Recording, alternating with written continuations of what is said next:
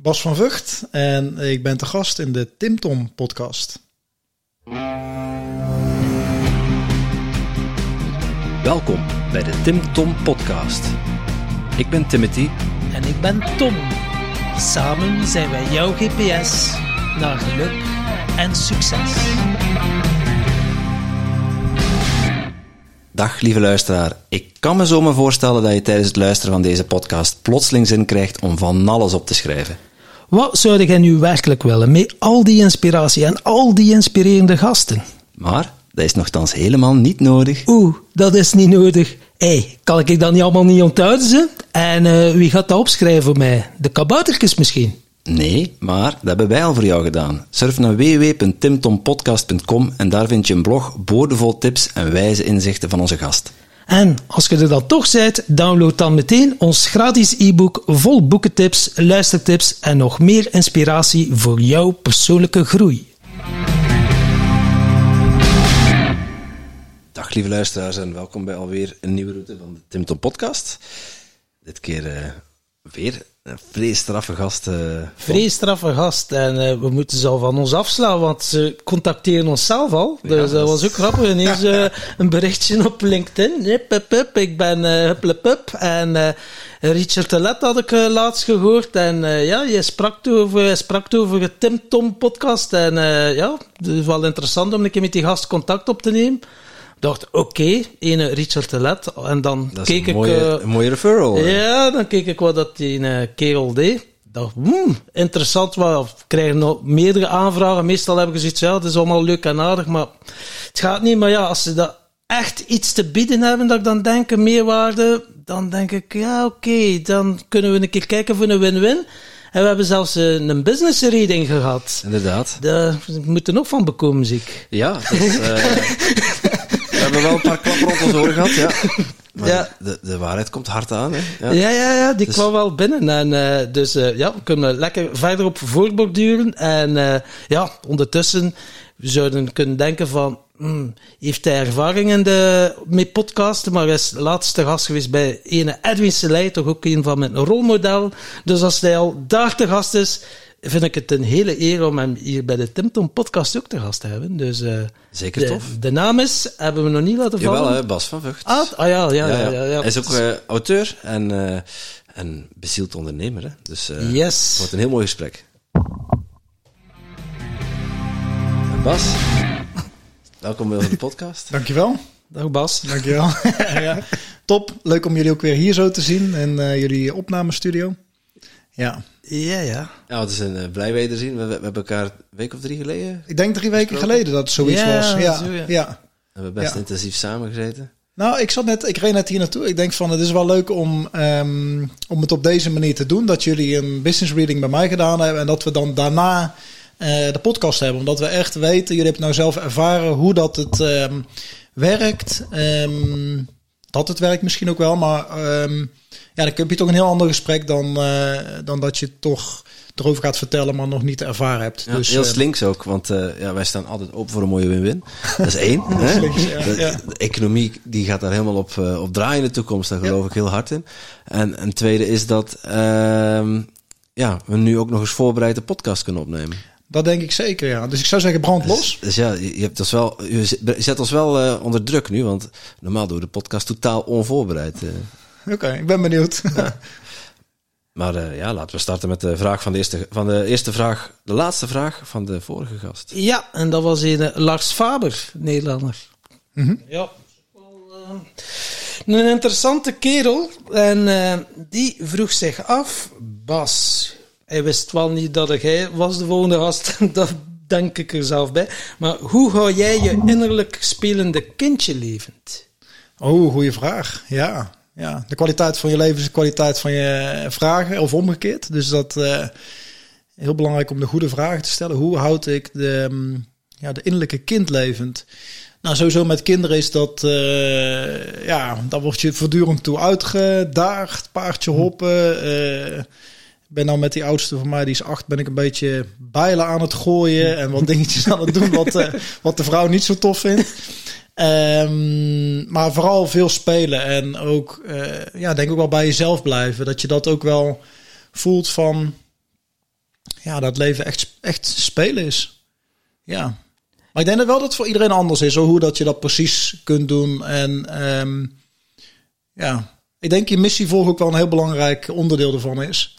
Ik reed net hier naartoe en um, ik moest weer terugdenken aan die periode dat ik, uh, dat ik stage liep. En dat ik helemaal geen zin had om uh, in de auto te zitten en naar, naar mijn plekje te gaan op een oninspirerende plek. En weet je, nu was de file er ook wel, maar dan is het heel andere file als je dat, uh, als je dat hebt en je weet dat je iets leuks gaat doen. En dat je ja, je missie mag, mag leven. Dus dat is wel totaal anders. En dat geeft ook een speelsgevoel.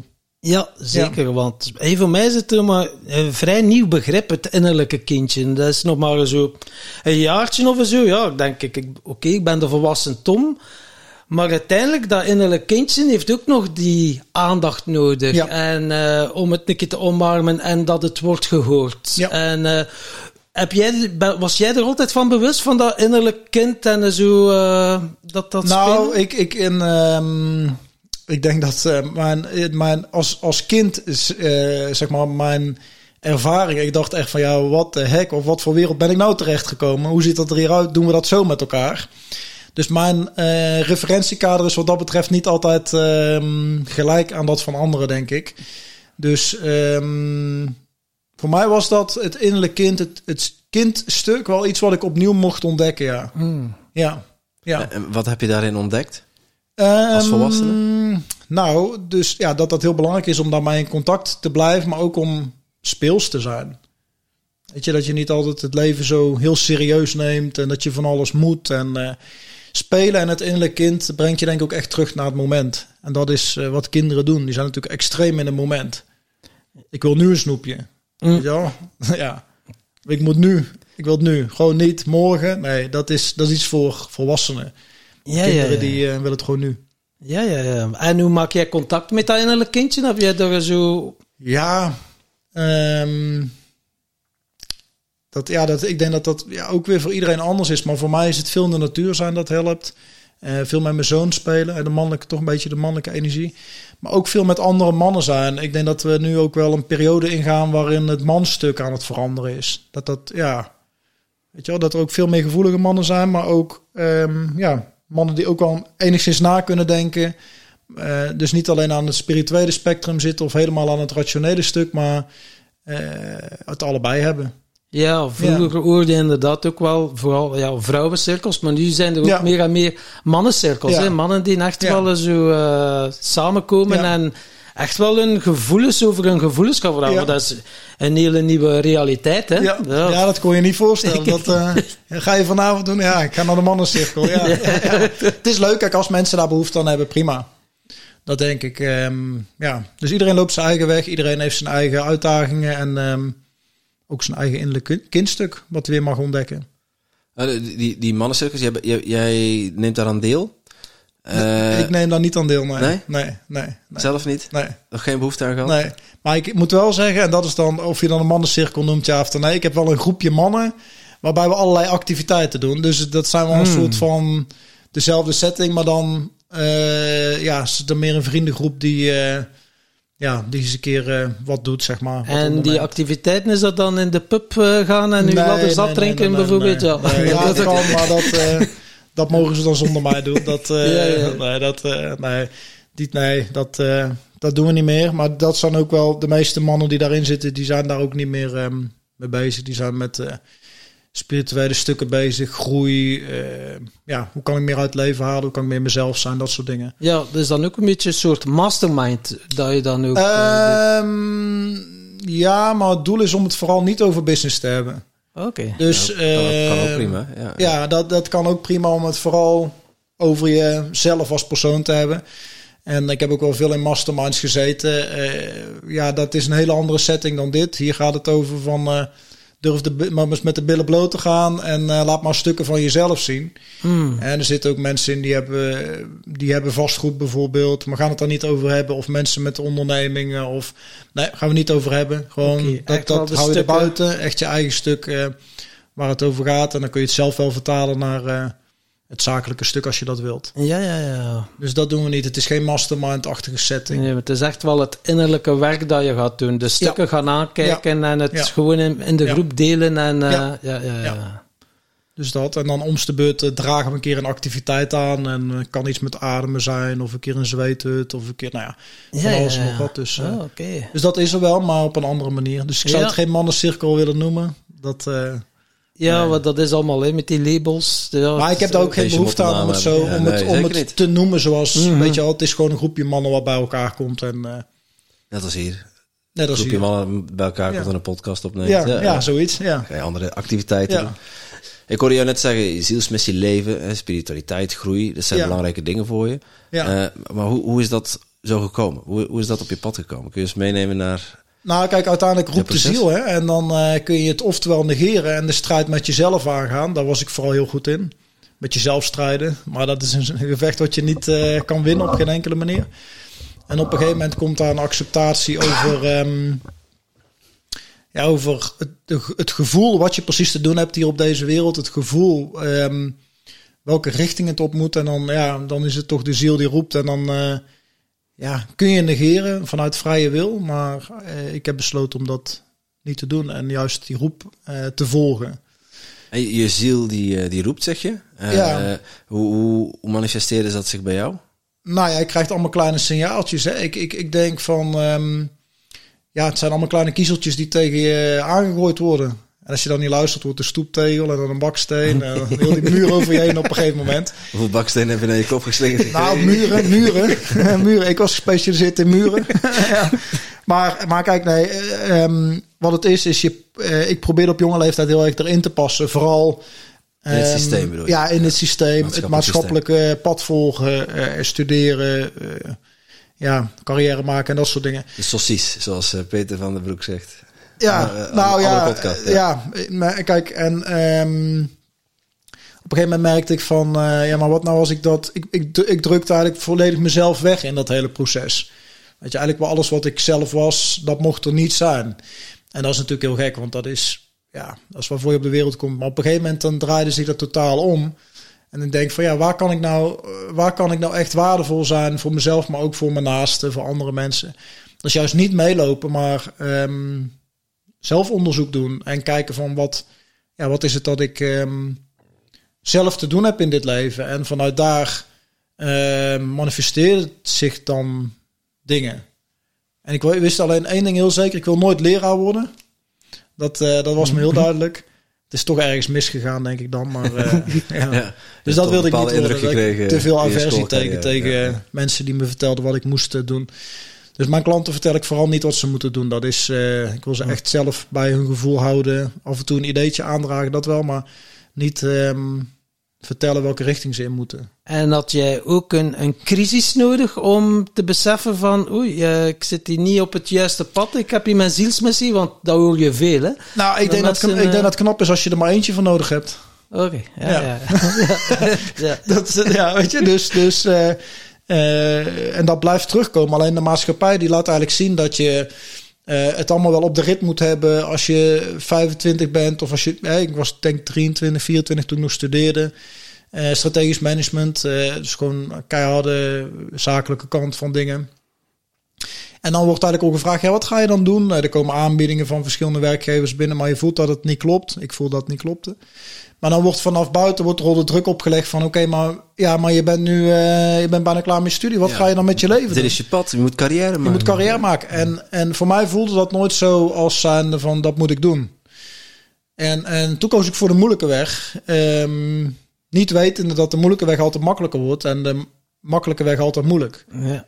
En dat, maar dat wist ik toen natuurlijk niet. Maar dat weet ik nu wel. Hè? Want nu komen mensen met hele specifieke vragen naar me toe. En ben ik op een heel andere manier waardevol dan een van de zoveel te zijn die ook al doet wat andere mensen doen. Dus dat hebben, ja, dat hebben jullie denk ik ook ervaren eh, in, eh, in de business reading die jullie gedaan hebben. En dat is, ja, dus, dus op een gegeven moment zei iemand tegen mij, Bas, maar als je nou gewoon kijkt naar al die mensen wat ze doen en je, ehm, je doet dat precies niet, dat is een hele goede indicatie. En toen, ja, dan viel er gewoon iets van me af van, ja, maar waarom doe, denk ik eigenlijk dat ik dat allemaal moet doen dan, zoals het dat is. Maar ik denk dat dit voor heel veel mensen ook herkenbaar is, hoor, dat ze ergens een proces van, van eh, eh, ja, confirmeren, weer loslaten, weer met iets nieuws confirmeren. Ja, wat voor veel mensen die, oeh, als ze, als ze dat uitspreken, oh, als ik echt zou mogen doen wat ik graag wil doen, ja, zou ik dan, maar ja, we moeten wel nog de rekening kunnen betalen. Ja. Dus eh, dan zit daar al van de eerste keer al direct, ja, Ja, het systeem wil je laten denken dat je de rekeningen niet kan betalen als je je eigen ding doet. klopt. En dat is het gekke eraan. Dus dat is, ehm, als je kijkt hoe, hoe houdt het systeem mensen klein, ja, dat is door ze afhankelijk te maken. Ja, chantage eigenlijk. Ja. Het is, ja, nou, het is, je zou het zo kunnen noemen, maar het is, als je het gewoon neutraal naar kijkt, is het oorzaak-gevolg van eh, je tijd verkopen, daar een salaris voor terugkrijgen. In die zin, dopamine shotje, een proces herhaalt zich, ondertussen betaal je de rekeningen. En dat, terwijl mensen denken dan van, oké, als ik dan mezelf eh, mijn eigen stuk ga doen, dan kan ik niet meer de rekeningen betalen. Maar ik heb juist zelf gemerkt dat als je gewoon doet wat het is, ja, en je denkt er een klein beetje economisch over na, hè, dat hebben jullie ook gemerkt in de business reading, dan, ja, dan is, het, eh, is het best wel simpel vaak. Mm. En dan wordt geld een bijproduct van succes, omdat je gewoon betaald krijgt voor wie je bent. Dat is toch heerlijk, of niet? Betaald krijgen voor wie je bent, in plaats van Ja. voor iets wat je doet, waar je goed in bent, wat je misschien helemaal niet leuk vindt. Tijd voor geld. Ja. Tijd voor geld. Eh, ja. Dus, Ja, dus dat. Dat is een heel mooi vooruitzicht. Maar dat is ook weer een heel nobel streven, want je hebt ook wel weer iedereen nodig om, om een maatschappij op een bepaalde manier te laten draaien. Ja, maar ik Er denk wel te dat... veel dat mensen op een verkeerde plek, wil je zeggen. Eh, nou, ik denk dat er een grote groep mensen is die zich niet bewust is van dat er zoiets bestaat als een missie. Die houden gewoon het ding draaiende. En ehm, Ja, die draaien ja, mee in het systeem. Dat, dat die draaien mee in het systeem. Maar misschien is het ook wel hun bedoeling juist dat zij eh, het voor anderen draaiende houden. Dus ik ben daar altijd heel dankbaar voor als mensen dat, eh, eh, dat doen. Ja, precies, ja. Weet je, en ik had zelf ook eh, in mijn leven, ik heb een keer gesolliciteerd toen als postbode, wat ik helemaal, eh, eh, waar ik niet werd, omdat ik te hoog gekwalificeerd was. En ik had daar vanochtend met iemand over toen ik hier naartoe reed ook van, ehm, ik heb heel veel respect voor, eigenlijk voor alle mensen die doen wat ze doen, of ze nou wel of niet leuk vinden. Dat maakt er eigenlijk voor mijn respect weinig uit. Eh, want ik heb ook zelf ja, meerdere keren op punt gestaan om dan maar gewoon te confirmeren. En het maar te laten. Weet je wel, en dan laat je het, maar dan doe je het gewoon maar niet. Je hoeft het niet te doen. Je kan met je vrije wil ook kiezen voor om postbode te worden als je dat niet leuk vindt. Ik dacht gewoon, ja, ik moet geld binnenharken en eh, ik ga dus dat doen. Maar ik werd afgewezen. En op dat moment zelf dacht ik van, nou ja, oké, eh, balen. Weet je ik moest ook mijn rekeningen betalen. Maar achteraf besef ik waarom dat niet eh, doorgegaan is. Mm. Dus, dus soms komen die van die momenten dat je het helemaal niet meer weet. En dat het ook op maatschappelijke vlak helemaal niet gaat zoals je wilt dat het gaat. Omdat je toch een beetje aan het persen bent, een beetje aan het duwen bent. En dan, eh, ja, dan is er maar één oplossing. Dat is overgave in de diepere laag gaan en kijken wat daar ontstaat. Ja, ja, maar dat is, eh, het zijn mooie woorden inderdaad. Overgave in die diepere laag gaan. Ja. Maar ja, dan kom je wel jezelf ongelooflijk tegen. Hè? En dan eh, hard, ja. Heel heeft hard, de ja. maatschappij wel allemaal dingetjes die nu kunnen helpen om te vluchten of te verdoven of noem maar op. eh, ja. En ja, die dingen zijn er gewoon. Ons maatschappij is erop gestoeld. Maar hoe ging jij er dan mee om? Van, want dat is wel makkelijk gezegd. Die overgave, die diepere stukken. Ja. Maar dat doet fucking veel pijn, hè? Dat doet pijn, maar ook... ehm, kijk, ik, ik, de grootste overwinning is de overwinning op jezelf. Daar ben ik 100% van overtuigd. Ik heb dat ook gezien bij mensen. En nu werk ik ook met mensen die alles hebben en met mensen die niks hebben. Financieel gezien ook. Ik werk met mensen die hebben, hebben bij wijze van spreken duizend man personeel of een ZZP'er. Dat zijn allemaal gewoon labels. Die mensen zijn ook ongelukkig of gelukkig. En dat heeft niks te maken met wat je hebt. Alleen de maatschappij laat je denken dat als jij iets hebt, dan heb je het gemaakt. Weet je? Maar ik denk dan van, eigenlijk als je je missie kan leven en vanuit vrijheid de dingen kan doen. Echt, kijk, eh, ja, echt vrijheid. En mensen mixen vaak vrij zijn, alles door elkaar met vrijheid. Ehm, maar het systeem, ja, als je geboren wordt, ben je per definitie al niet meer vrij. Zo is het systeem eigenlijk opgezet. Weet je, en als je dat dus gaat bekijken, hoe dat, hoe dat 3D werkt, dan ga je kijken van, oké, wat kan ik toevoegen eh, om mensen, zeg maar, los te laten komen van dat hele proces. Om ze veel bewuster te laten zijn van, oké, wil ik daar nou in zijn? Hè, eh, dat kan, hè. Als je erin wilt zijn, is ook prima. Eh, ik heb daar helemaal geen oordeel over, echt totaal niet. Want iedereen moet doen waarvoor hij voelt dat hij op dit moment kiest. Alleen ik vind wel altijd dat keuzes wel... ehm, ja, daar moet een bepaald gevoel achter zitten. Het moet kloppen voor jou. En als je weet van ik doe iets wat niet klopt, ja, dan is het tijd om te veranderen. En dat heb ik ook een aantal keer gehad. Ehm, ik heb nu elf jaar eh, seminars gegeven en ik heb ook zelf gezegd van nou, dit klopt niet meer voor mij. En dat is een van de moeilijkste dingen geweest in mijn leven, omdat ik een succesvol bedrijf gestopt ben. Kill your darlings. Kill your darlings. Nou, dat was wel een darling, want eh, en met groepen werken en seminars en en dus hè, met personeel en zo. En um, op een gegeven moment besefte ik, ik had niet door dat ik zelf ook in die labels gestapt was. Van, oh, dat is Bas, die staat op het podium en die doet het ding. En uh, dat is Bas, die, uh, weet je wel. Maar uiteindelijk kom je toch gewoon thuis uh, in hetzelfde huis. bij dezelfde vrouw, bij dezelfde kinderen. Bij alles wat ook in jezelf speelt. Dus Um, ja, ja. Je zou liever bij een andere vrouw langskomen met andere nee, Nee, nee, zeker niet. Want uh, Mirna weet het ook dat ik uh, gelukkig ben met haar. En dat, dat, dat, dat niemand anders uh, tussen komt. Maar wat ik bedoel te zeggen is van dus alles is hetzelfde. Of ja, je nou succesvol bent ja. of niet. En thuis ben je niet het label ja, podium-based. Nee, precies. En, en, en dat is eh, pomp, pomp it op en gaan en al die dingen. Dan, dan, dan, en op een gegeven moment ga je jezelf uh, in de persoonlijke ontwikkeling verdiepen en kijken van, of nee, verdiepen niet, maar je gaat voor jezelf weer een laag, uh, laag eraf schillen. En dan kijk je van, oké, wie ben ik nou eigenlijk zonder al die labels? Weet je, wat blijft er dan over?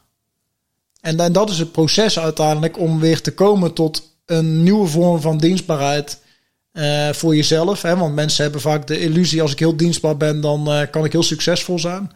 Maar dat is ook een illusie, hè? de illusie van dienstbaarheid. Ik denk dat een aantal uh, luisteraars dat ook wel zullen herkennen. Van dan ga ik zoiets moois in de wereld zetten en dan al die dingen. Alleen je moet ook gewoon aan jezelf denken. Punt. Ja, ja, anderen helpen. Ja. Want er zit ook zo wel een valkuil. Ja, ja, ik ga anderen helpen, maar dan hoef je niet naar jezelf te kijken. En uh, je ziet heel veel mensen in de zo'n verzorgingssector. Ja. Die, maar ja, dat zijn de grootste pleasers ook. Of ja. die zitten dan ook in, in relaties zo van, ja, eh, destructieve relaties, omdat ze iemand nodig hebben om zorg voor te dragen. Dus dan de redders. De, en de redders en de codependency, ja, dat is, uh, hangt heel dicht bij elkaar. Weet je, ik denk dat het een vorm van um, uiteindelijk voor de meeste mensen hier die nu ook luisteren, maar ook die met bewustzijnsprocessen bezig zijn, dat het um, zoeken is naar hoe kan ik vrij mijn frequentie in deze wereld zetten. Zonder de belasting van alles wat op mij kan drukken. Het geldelijke is ook maar een verhaal. Dat is gewoon angst. Als je echt diep gaat kijken van oké, wat is nou... Waarom zou ik dan niet die stap zetten vanwege het geld? Nou, daar zit achter bestaansrecht. Weet je wel, dan zit erachter, mag ik echt zijn wie ik ben in de kern en kan ik daar ook uh, van leven? Hm.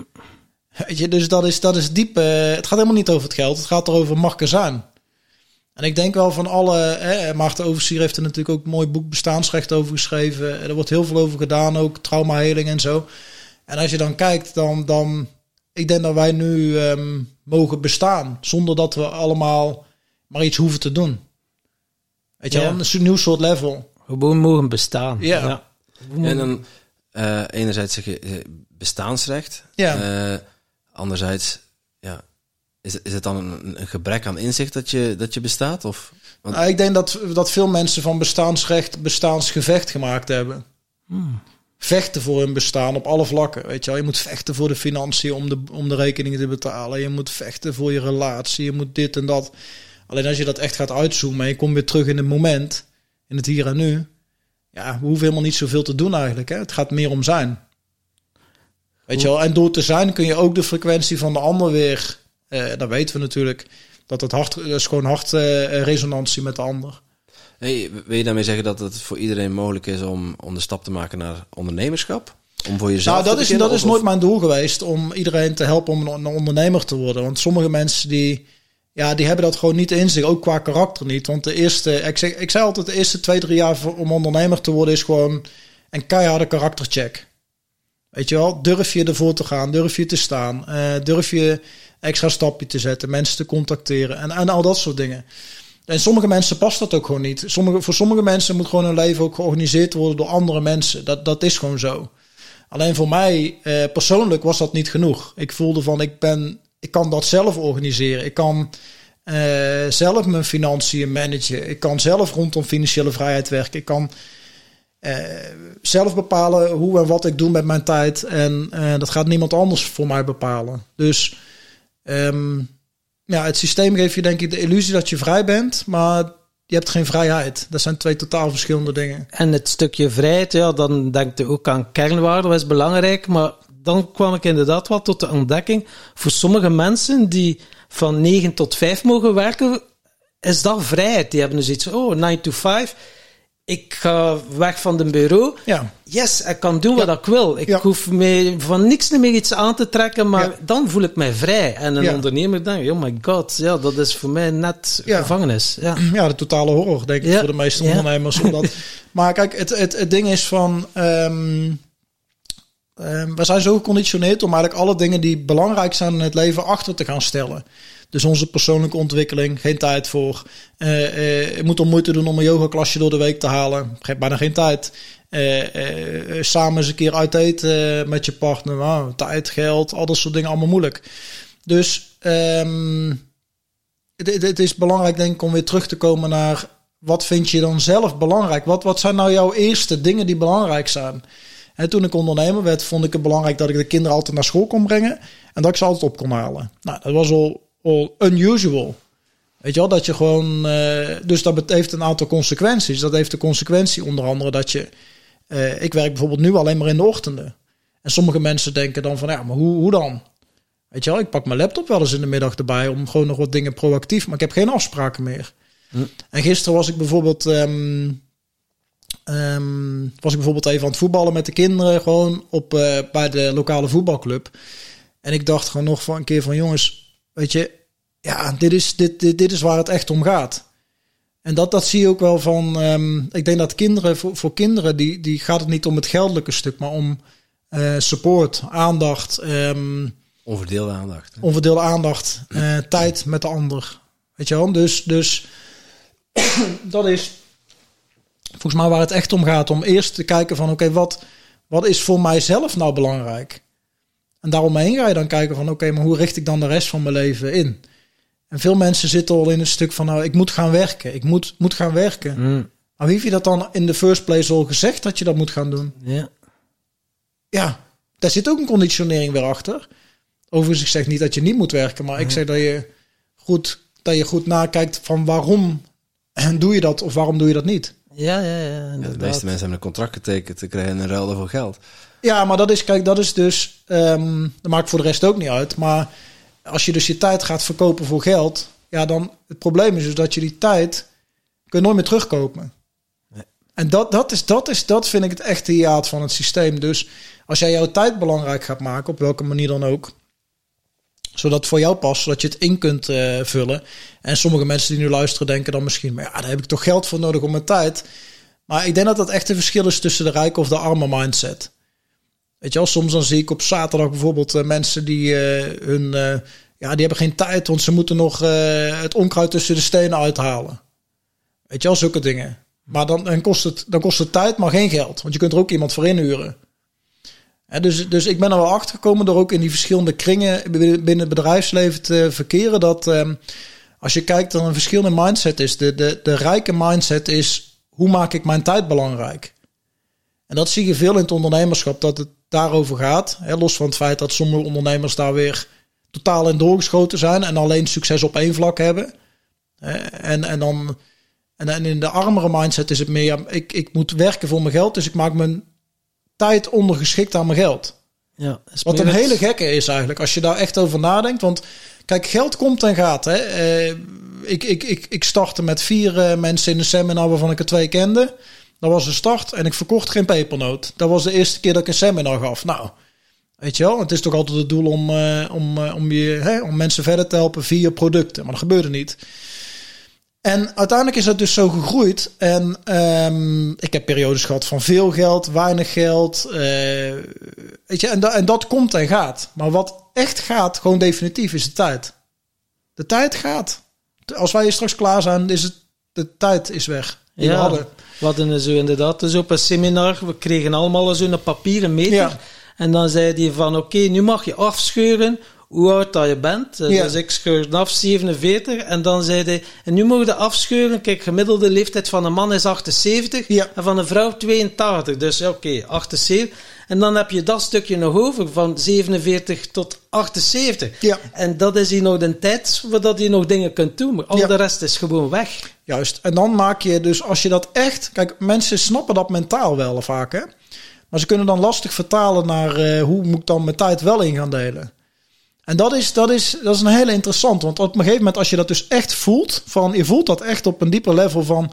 Oké, maar shit, jongens. eh, ik, ik moet niet uitslapen. Nee, ik moet eh, aan de slag. Aan de slag. Er is maar een beperkte tijd. Gaan, weet je wel. Ja. Dan, dan, dan, eh, dan kom je in een hele andere vibe terecht. Het is, het is, ja, voor mij voelt het alsof dan het universum met je mee gaat werken. En ik laat dingen gebeuren omdat jij er bovenop zit of zo. Weet je wel, je laat de tijd niet meer versloffen. En een quote die ik eh, heel lang op mijn computer heb staan, eh, eh, gestaan is van Jim Rohn. Voor degene die niet kennen, is de mentor van Tony Robbins. En ehm, die zei zo mooi van... ehm, you can get through the day or you can get from the day. Dus je kan door de dag gaan of van de dag krijgen. En dat is wel denk ik een heel belangrijk iets van hoe, hoe zorg je nou dat je elke dag bij benadering, want het gaat toch niet elke dag lukken, anders wordt weer zo'n perfectionistisch eh, stuk. En gaan mensen denken, ah, ik moet elke dag van de dag krijgen. Nee, maar hoe kun je nou dus van de tijd krijgen die je in je leven hebt?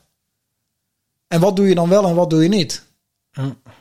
En dat is denk ik wel van, hey, je krijgt wat je tolereert. Hè? En dus als je tolereert van jezelf dat je ja, schermtijd drie uur per dag is. Weet je wel, tolereer dat van jezelf. Eh, ja. Dus als je de standaarden gaat verhogen van wat je met je tijd doet, gebeuren er vaak ook al wonderlijke dingen. Ja, en je, je zou het voor je, eh voor je lollers kunnen, kunnen bijhouden over een week of twee weken. Van waar spendeer ik mijn tijd aan? Ja, los van de, los van de digitale wereld. Ja, Ja.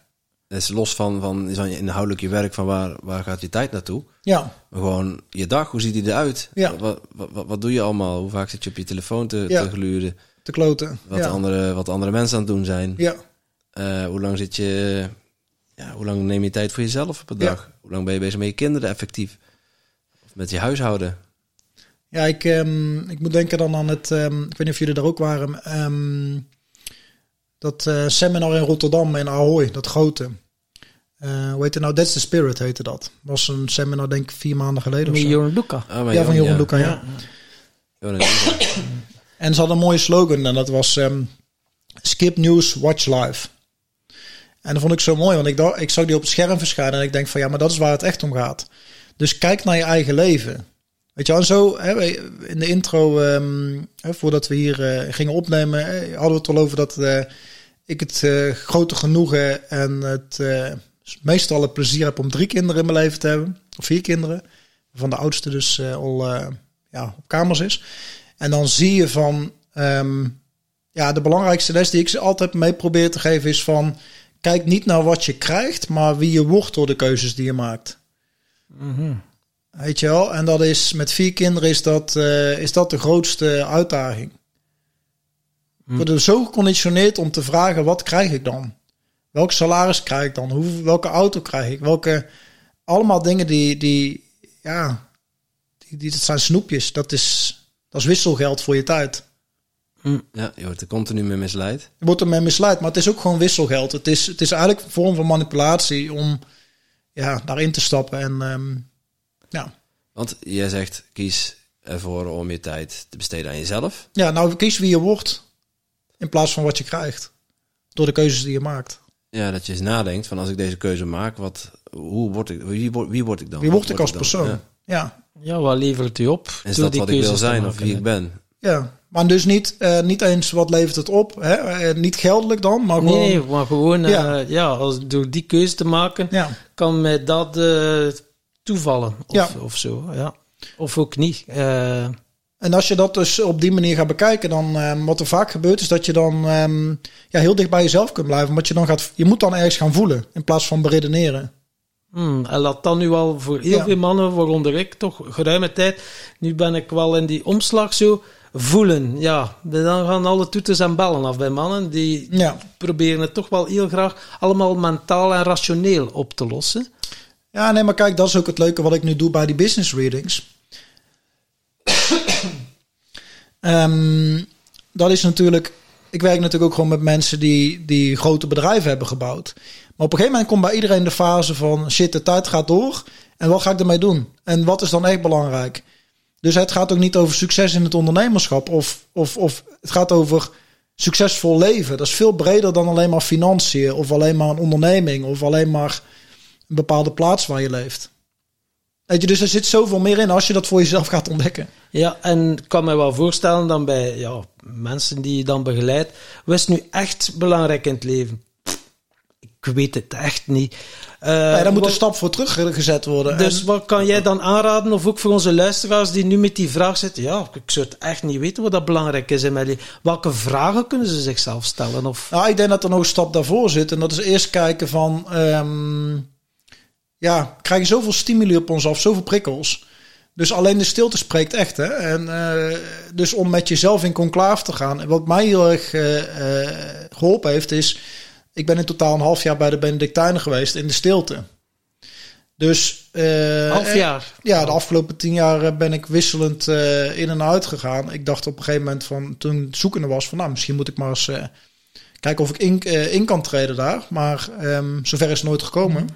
Dat ik met zachte hand richting de uitgang eh, geduwd werd. maar eh, ze zeiden ook Bas, jouw plek is niet achter de muren, maar tussen de mensen. En ik snap nu heel erg waarom dat dat eh, is. Maar neem niet weg dat ik veel geleerd heb, ook in de tijd dat ik daar eh, ja, mocht zijn.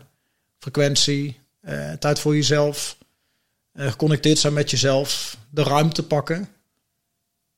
Weet je, als je kijkt naar de gemiddelde mens, die heeft bijna geen tijd meer. En als er dan tijd is, wordt het opgevuld door dingen die weer tijd kosten. Ja. Ja. Nou, waar kies, je, waar kies je voor om je tijd aan te spenderen? Nou, laatst zei iemand tegen mij bijvoorbeeld, als je het over Netflix hebt bijvoorbeeld, hè. Laatst zei iemand, Bas, wat is nou de directe concurrent van Netflix? Ik zei, nou ja, de tv kijken of zo. Hij zei, nee, dat is het niet. Directe, waar Netflix direct mee concurreert, is de slaap van degene die kijkt. Toen dacht ik van, ja, maar dit is, eh, dit is diepe shit. Dus nou, nog, nog een aflevering, hop. Ja, ja, maar die ken ik. Ja, En dan, ja. En die, En dan is het 12 uur, 1 uur. En dan de volgende dag opstaan. Dan gaat het iets lastiger. Eh, moet in plaats van twee koffies, vier koffies hebben. ja, ja. Weet je wel, maar ehm, ja. Het is, het is zo mooi, jongens. Als je, als je ehm, beseft dat dat. Hè, Paulo Coelho die schrijft maar, schreef mij eens: eh, Happiness is sometimes a blessing, but usually a conquest. En dat is het ook. Dus je moet niet denken dat, dat geluk is zo iets, iets wat zo eh, tijdelijk, zo, zo, zo vliegensvlug kan ehm verdampen als het ware. Dus, Wat is dan geluk? Ja. dus ja, mensen die nu zo gaan onderzoeken, wat is nu echt belangrijk in mijn leven, dan is het een tip, in de stilte vind je de antwoorden. Gaan, In de stilte vind je de antwoorden, maar ehm, ja, kijk, en maar dan moet je dus ook in de stilte dus ook wel je telefoon uitzetten, bijvoorbeeld. Weet je wel, want je kunt in de stilte gaan. Ah, ik heb een mooie retreat gehad. Schermtijd van zes uur. Ja. Weet je wel, en die andere vier uur is dan eh, in de stilte zijn. Maar eh, dus het is wel, eh, je moet wel een klein beetje weten waar liggen je zwaktes en waar liggen je, ja, je duistere kant als het ware. Mm. En Ik denk dat als je echt nu, als, als je als, als vrouw, maar ook als man zeker ook kijkt van wil je verder komen, dan moet je wel eerst je duistere kant eens echt flink op gaan zoeken. En hoe, ehm, hoe kunnen mensen die ontdekken hun duistere kanten? Nou, door sowieso alleen te zijn. In het alleen zijn eh, vind je je duistere kant. Weet je, dat kan inactief, inactiviteit zijn, kan eh, nou ja, eh, seksverslavingen zijn, kan alcohol zijn, drugs. ja, dus, dus en dan zie je ook van, er zijn zoveel, wat je ook zei Tom, zoveel uitwegen uit eh, een zinvol leven. Hm. Het vergt ook discipline, laat ik het zo zeggen. Ja. Ja, want die eerste stukken, als je dat proces begint, die een tocht gaan maken. Het is ook zo, als jij zei van, als je bereid bent eh, om eh, de moeilijke weg te kiezen, krijg je een makkelijk leven. Ja. Maar de, eerst moet je wel door die shit gaan. Ja, En, je moet eh, kaart doorheen gaan. En dat is, dat is het lastige. Ehm, dat ehm, ja, mensen zijn zo geconditioneerd op, op comfort. En als je dan echt kijkt, wat is nou comfort? Ik denk dat de meeste mensen in hun comfortzone zitten. Maar het is helemaal geen comfortzone. Het is de oncomfortabele comfortzone. Ja, ja, ja. Dus Ja, dit- dit- ja, dus het zijn allemaal hele gekke, eh, je zou bijna kunnen zeggen, mindfucks die, die zich in je hoofd af kunnen spelen als je niet uitkijkt. Daar mogen ze allemaal afstand van nemen, eh, stap voor stap natuurlijk, om te gaan onderzoeken van welke labels ehm, heb ik dan dienen mij niet meer en eh, mag ik gaan onderzoeken en, en los gaan laten. Ja, en heel veel mensen ja, die zijn echt wel gefocust op dat korte termijn genot. En, eh, Dat mag. En dat mag ook op, op zich, maar ja, hoe meer je het korte termijn genot kan negeren, hoe gelukkiger je wordt op de lange termijn. Juist dat. En ik denk ook van, ik ben ook veel bij seminars van Tony Robbins geweest. Al een hele tijd geleden overigens, zo'n acht, acht jaar geleden zoiets. Maar ik herinner me nog dat hij zei ehm, van ehm success without fulfillment is the ultimate failure. En dat zie ik wel heel veel bij eh, klanten van mij die heel succesvol zijn, maar die toch gewoon tegen bepaalde levensvragen aanlopen. Hè. Ik kun je voorstellen van het zijn mensen die hebben ooit een keer gevisualiseerd in hun hoofd dat ze een bepaald type bedrijf willen hebben, daar hebben dat bereikt. Dan komen erachter dat eh, ondertussen eh, heel veel dingen naar de kloten gegaan zijn. Ja, Thuis eh, eh, is het de, eh, de vrouw, als ze er nog is, heeft ze daar nog connectie mee. Nou, als het ingeruild is voor een jongere versie. Ja, Ja. Weet je wel? Dus, dus, dus ik denk dat we ook heel erg naar succes mogen kijken als zijnde een, een, een, ehm, een veel breder concept dan hoe we het geleerd krijgen op school. Mhm. En, en, en het, het, ehm, het concept is natuurlijk vaak ehm, succesvol zijn, aanzien, eh, al die dingen. Alleen dat zijn allemaal lagen die buiten je liggen. Ja, ja, ja, Ja. ja, die erkenning, die waardering. Ja, ja wat Kijk eens wat hij doet. voor Kijk mij eens was, wat hij heeft. voor mij was het dus Ik moet de hele tijd die vraag inhouden. Maar je hebt het net al van, wat is geluk? Je stelde die vraag. En nu heb je het over succes. Ja. Is een beetje de rode draad van onze podcast. Normaal eindigen we dat gesprek mee. Maar Oh, nou, dan ik, kunnen we dan. ik wil gewoon nu al op tafel hebben. Kunnen we dan ook doen. Het is Ja, pas want- 40 minuten verder, maar... Ja. j- Jij schetst, jij schetst voor, eh, voor ons nu een definitie van succes. Een, een maatschappelijk gecreëerde definitie. Ja, Eh. maar je moet op zoek naar je eigen definitie van succes. Juist. Dat is ook dat is onze, dat is onze boodschap aan de wereld ook. Ja. En eh, ik ben wel benieuwd van wat, wat is voor jou de definitie van succes dan? Ja, dat heeft eigenlijk weinig zin om te delen, want dat is... Dat zou weer betekenen dat ik een label leg over de luisteraar, eh, over hoe dat zijn of haar succes eruit zou moeten zien. Dus, dus ik denk dan van, weet je, als je echt geconnecteerd bent en de, het opzoekt van hoe ziet het, hoe hoort het leven voor mij te gaan? Kijk, je incarneert en eh, je gaat dood. Oké, dat, dat zijn de twee vaststaande dingen. Ja. Maar ook dat je alleen komt en dat je alleen doodgaat. Dat weten we ook. Niemand kan je helpen om je laatste adem uit te blazen. Dat moet je ook zelf doen. En in de tussentijd gebeurt het, gebeurt het dan. Super fascinerend. Maar ook eh, dat we dus vergeten als het ware waarom we nou precies hier gekomen zijn. We incarneren, maar we hebben een soort van sluier van, vergeet, eh, van vergetelheid over ons leven heen. Eh, en een soort van, ja, zo doen we dat nou eenmaal op deze planeet. Achtige principes komen er dan omheen. En dan, en dan vergeten we dat wie we echt zijn in de kern. En dat we, ja, dat we, zo, dat we zoveel meer zijn dan dat we geleerd worden dat we zijn. Ja, je zegt, zo doen we dat hier op de planeet. Dat is vrij destructief voor de planeet overigens. Ja, nou ja, eh, je zou kunnen zeggen eh, in deze tijd hier, waarin hoe we... het gaat, hoe we dat, hoe we dat hier doen eh, met z'n allen. Ja, Nou, kijk, ik denk dus van, je hebt aan de ene kant, kijk, we gaan heel veel dingen veranderen. Dat ben ik 100% zeker van. Aan de ene kant is er een soort van opgelegde verandering aan de gang. Nou, de mensen die een beetje ingelezen zijn, die weten echt wel waar dat over gaat. Daar gaan we het hier niet over hebben. Ehm, omdat dat ook een zoektocht is. Dan moet je zelf ook kijken wat je daarin, ehm, eh, ja, wat je daarin eh, wil doen. Aan de andere kant is een, is een bewustzijnsverandering vanuit de mens zelf. En ik heb voor mezelf besloten, dat, dat is waar mijn leven, eh, ja, waar mijn leven over gaat. Anderen helpen te ondersteunen om, ehm, om bepaalde lichtheid te ervaren, bepaalde het licht te kunnen zijn, ook in wat ze doen, in, in, in hun bedrijven, in hun, wat ze voor de wereld kunnen doen. Weet je, en als je, dat, als je mensen eh, helpt om te connecteren met dat stuk weer, gaan ze heel anders ondernemen. Dan gaan ze heel anders met de planeet om. Maar dat komt niet door voorop, eh, vooropgelegde wetjes die ze dan gaan volgen. Want als er één ding wat zeker is, als je een ondernemer zegt hij moet het niet doen, gaat hij een weg vinden hoe dat hij het wel gaat doen.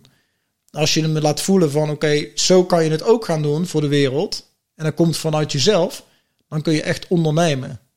Hm. Ik heb altijd een heel raar woord gevonden trouwens, ondernemen. Ja, want je, je had er een veel mooiere definitie voor de vorige keer. Ja, ja, ja, dat klopt. Ik heb het met jullie al gedeeld. Ja. Ik, voor mij is het meer boven geven. Dus eh, het heeft een, is een vorm van geven. Een vorm van, ja, Mhm. Het is het tegenovergestelde van, eh, van wat het woord zegt. Ja, nou dat. En, en kijk, weet je, iedereen heeft gewoon te doen wat hij te doen heeft nu op dit moment hier in deze wereld. En iedereen heeft daarin zijn rol.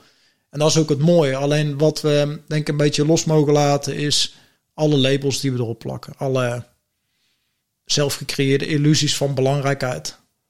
Uiteindelijk zijn we toch helemaal niet belangrijk als mensen. Nee, we zijn maar, hoe zeggen ze, een druppel in de oceaan. Hè? Ja. Ja, ja. ja. dat, ja, dat. En, en ja, dus, maar we moeten er zelf wel betekenis aan geven natuurlijk. Dat is wel het mooie. Dat kunnen we ook doen. Door ja, iets te ondersteunen wat voor ons belangrijk is. En jij, eh, je had het in het begin over, over je zielsmissie volgen. eh, Ja. Die roep horen en daarin in mee, meestappen. Ja, Eh, bij jou waren dat hele kleine signaaltjes. ja, Maar op een gegeven moment ben je wel je, je, heb je je zielsmissie gevonden. Je hebt hem net, Ja. net gedeeld. Anderen helpen om het licht in zichzelf te ontdekken en te leven. Als ik het zo mag samenvatten. Het ja nou dat mag. Maar dat is ook, dat, kijk, uiteindelijk is het een, een gevoel. En eh, als we daarover gaan praten, ontstaan ook alweer labels. Dus dat is het lastige van, van gevoelstukken. Dat, dat, Ja. ehm, en soms, soms zeggen mensen ook wel eens tegen mij van... Ja, maar hoe kan het nou dat ik ongelukkig ben bijvoorbeeld? Ik heb alles. Dus dat is, dus weet je, dus gevoel... Dat is, gevoel is ook weer een verhaal. Weet je, eh, ja... Dat voel je dan? je dus dat is ook ja. weer een verhaal wat je jezelf vertelt... waarom je wel of niet gelukkig kan zijn. Mm. Het is een soort van eh, leven in de, in de imperfectie. Zoiets. Nee, dat, en- bij benadering is dat misschien wel. Ja, en als je het ook zo zegt, dan je, je leeft altijd in je eigen illusie. Je gelooft ook In je verhaal, ja, ja. en je gelooft, je gelooft je eigen Ja. verhaal. Ja. Hè, want dat is, dat is jouw verhaal, daar ben je aan het leven, daar ben je aan het Ja. schrijven. Eh, maar als je dan terugkijkt, is het dan wel echt jouw verhaal. Ja, ja klopt. En, en dan is ook de vraag van... eh, ja, door de dag gaan, of van de dag krijgen. En dan ook weer... ehm, ik denk dat, dat de meeste mensen die hier luisteren... wel weten wat ze te doen hebben op deze wereld. Alleen... ehm, geloven ze erin of vertrouwen ze erop? Weet je, dat is totaal andere energie. Als je erop durft te vertrouwen, dan geef je dat signaal naar boven toe, of eh, naar God, het universum, of de, de geestenwereld, of hoe je het ook wilt noemen, van jongens, ik ben klaar, kom maar door. Maar als je het alleen gelooft, ja, dat is een soort van beetje zwanger. Dat kan niet. Je bent oftewel, je vertrouwt erop, oftewel, je vertrouwt er niet op. Ja, Weet je, dus voor de meeste mensen geloof dat ik het... zwanger ben, dat is iets anders dan, eh, Ja. dan zwanger. Ja. Maar zijn vriendin vragen. Ja, ja, daar weet ik alles van. Nee, maar dus... Ik dus geloofde het niet dat ze zwanger was. Ja, nee, maar dus het, het, ehm, wat we dus te doen hebben is meer mensen helpen naar vertrouwen. Dat ze goed zijn zoals ze zijn. Dat ze eh, daar geld mee kunnen verdienen. Dat geld eigenlijk helemaal niet belangrijk is. Het wordt pas een probleem als je het niet hebt. Ja, Toen kijk ik ernaar. klopt. Ja, die angst houdt wel heel veel mensen tegen. Hè? Ja. Ja, nee, maar het is dus, dus maar kijk, waarom, waarom zou er dan eh, zoveel, waarom zou geld zo belangrijk gemaakt worden in het systeem? Dat is de vraag die je jezelf dan af kunt stellen. Dat is maar, een van de, vragen. is maar een van de vele problemen die je hebt. eh, als je het niet meer hebt dan. Hè? Nou, als je het niet meer hebt, maar eh, eh, soms zeggen mensen wel van uiteindelijk gaat het allemaal om geld. Nou, dat denk ik niet. Voor sommige mensen is dat zo, maar in het merendeel is het gewoon het leven van je zielsplan. Als je het echt gewoon spiritueel gaat bekijken, heeft het niks te maken met geld of succes. Maar het is het gewoon het uitvoeren waarvoor je zelf gekozen hebt om hier te geld zijn. maakt het gewoon wel iets makkelijker, maar het kan ook een enorme valkuil zijn. Zoals je ook zegt, ja, als je geld hebt, kun je er ook mee in een ongeluk lopen.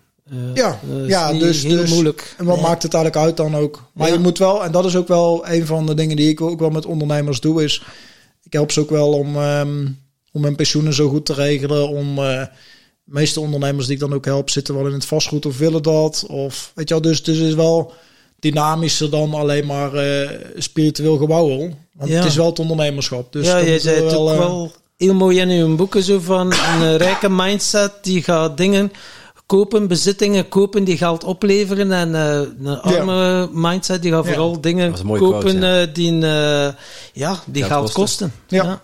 Ja. die kwam wel binnen. Het mooiste wel- voorbeeld eh, wat jullie denk ik gezien hebben is mijn oude Toyota, toch? Eh, Ja. De oude Toyota. Hij staat hier op de parkeerplek. Ah ja, en ik nog Hij niet heeft, gezien. eh, hij is de, eh, mijn doel was altijd om een miljoen kilometers mee te rijden. Hij staat nu op 300, ja, 360.000 of zo. Nou, Iedereen zegt, je moet, hem, je moet hem verkopen, maar nee, ga ik niet doen.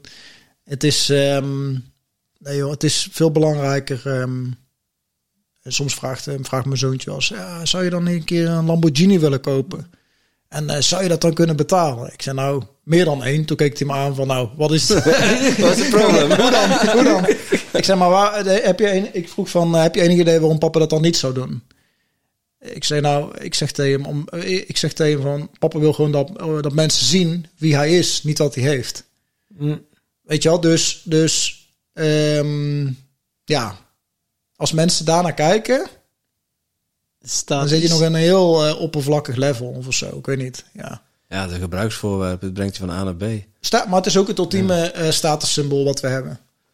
Ja. Veel mensen wel, ja. Ja, Ja, ja, ja, voor veel mensen nooit toe. Ja, Ik zit aan Ja. 336, ik ben ook aardig op weg. eh. ja, ja precies. ja, ja, ja, ja, ja, ja. Dus nee, maar dat is, en dan hebben mensen het over, je moet een elektrische auto, want dat is duurzaam en al die dingen. Ik denk, volgens mij is er niks duurzamer dan een oude auto rijden die eigenlijk al helemaal afgeschreven is. Ja.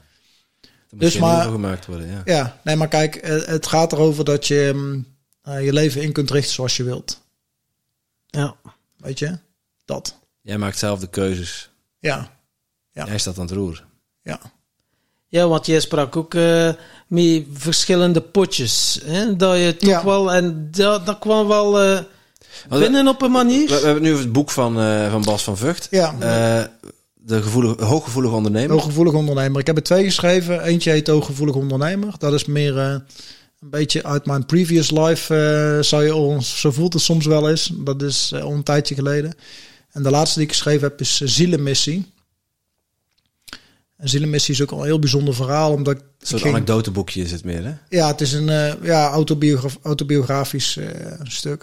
Ik wil gewoon alles een keer opschrijven hoe het mijn leven verlopen was. Maar niet om dan nou eh, de held uit te hangen, maar om echt te laten zien van, hey, weet je, eh, het is echt, zeg maar. Ik wil, ik wil, eh, toen ik seminars gaf, wilde ik altijd laten, de echte kant laten zien.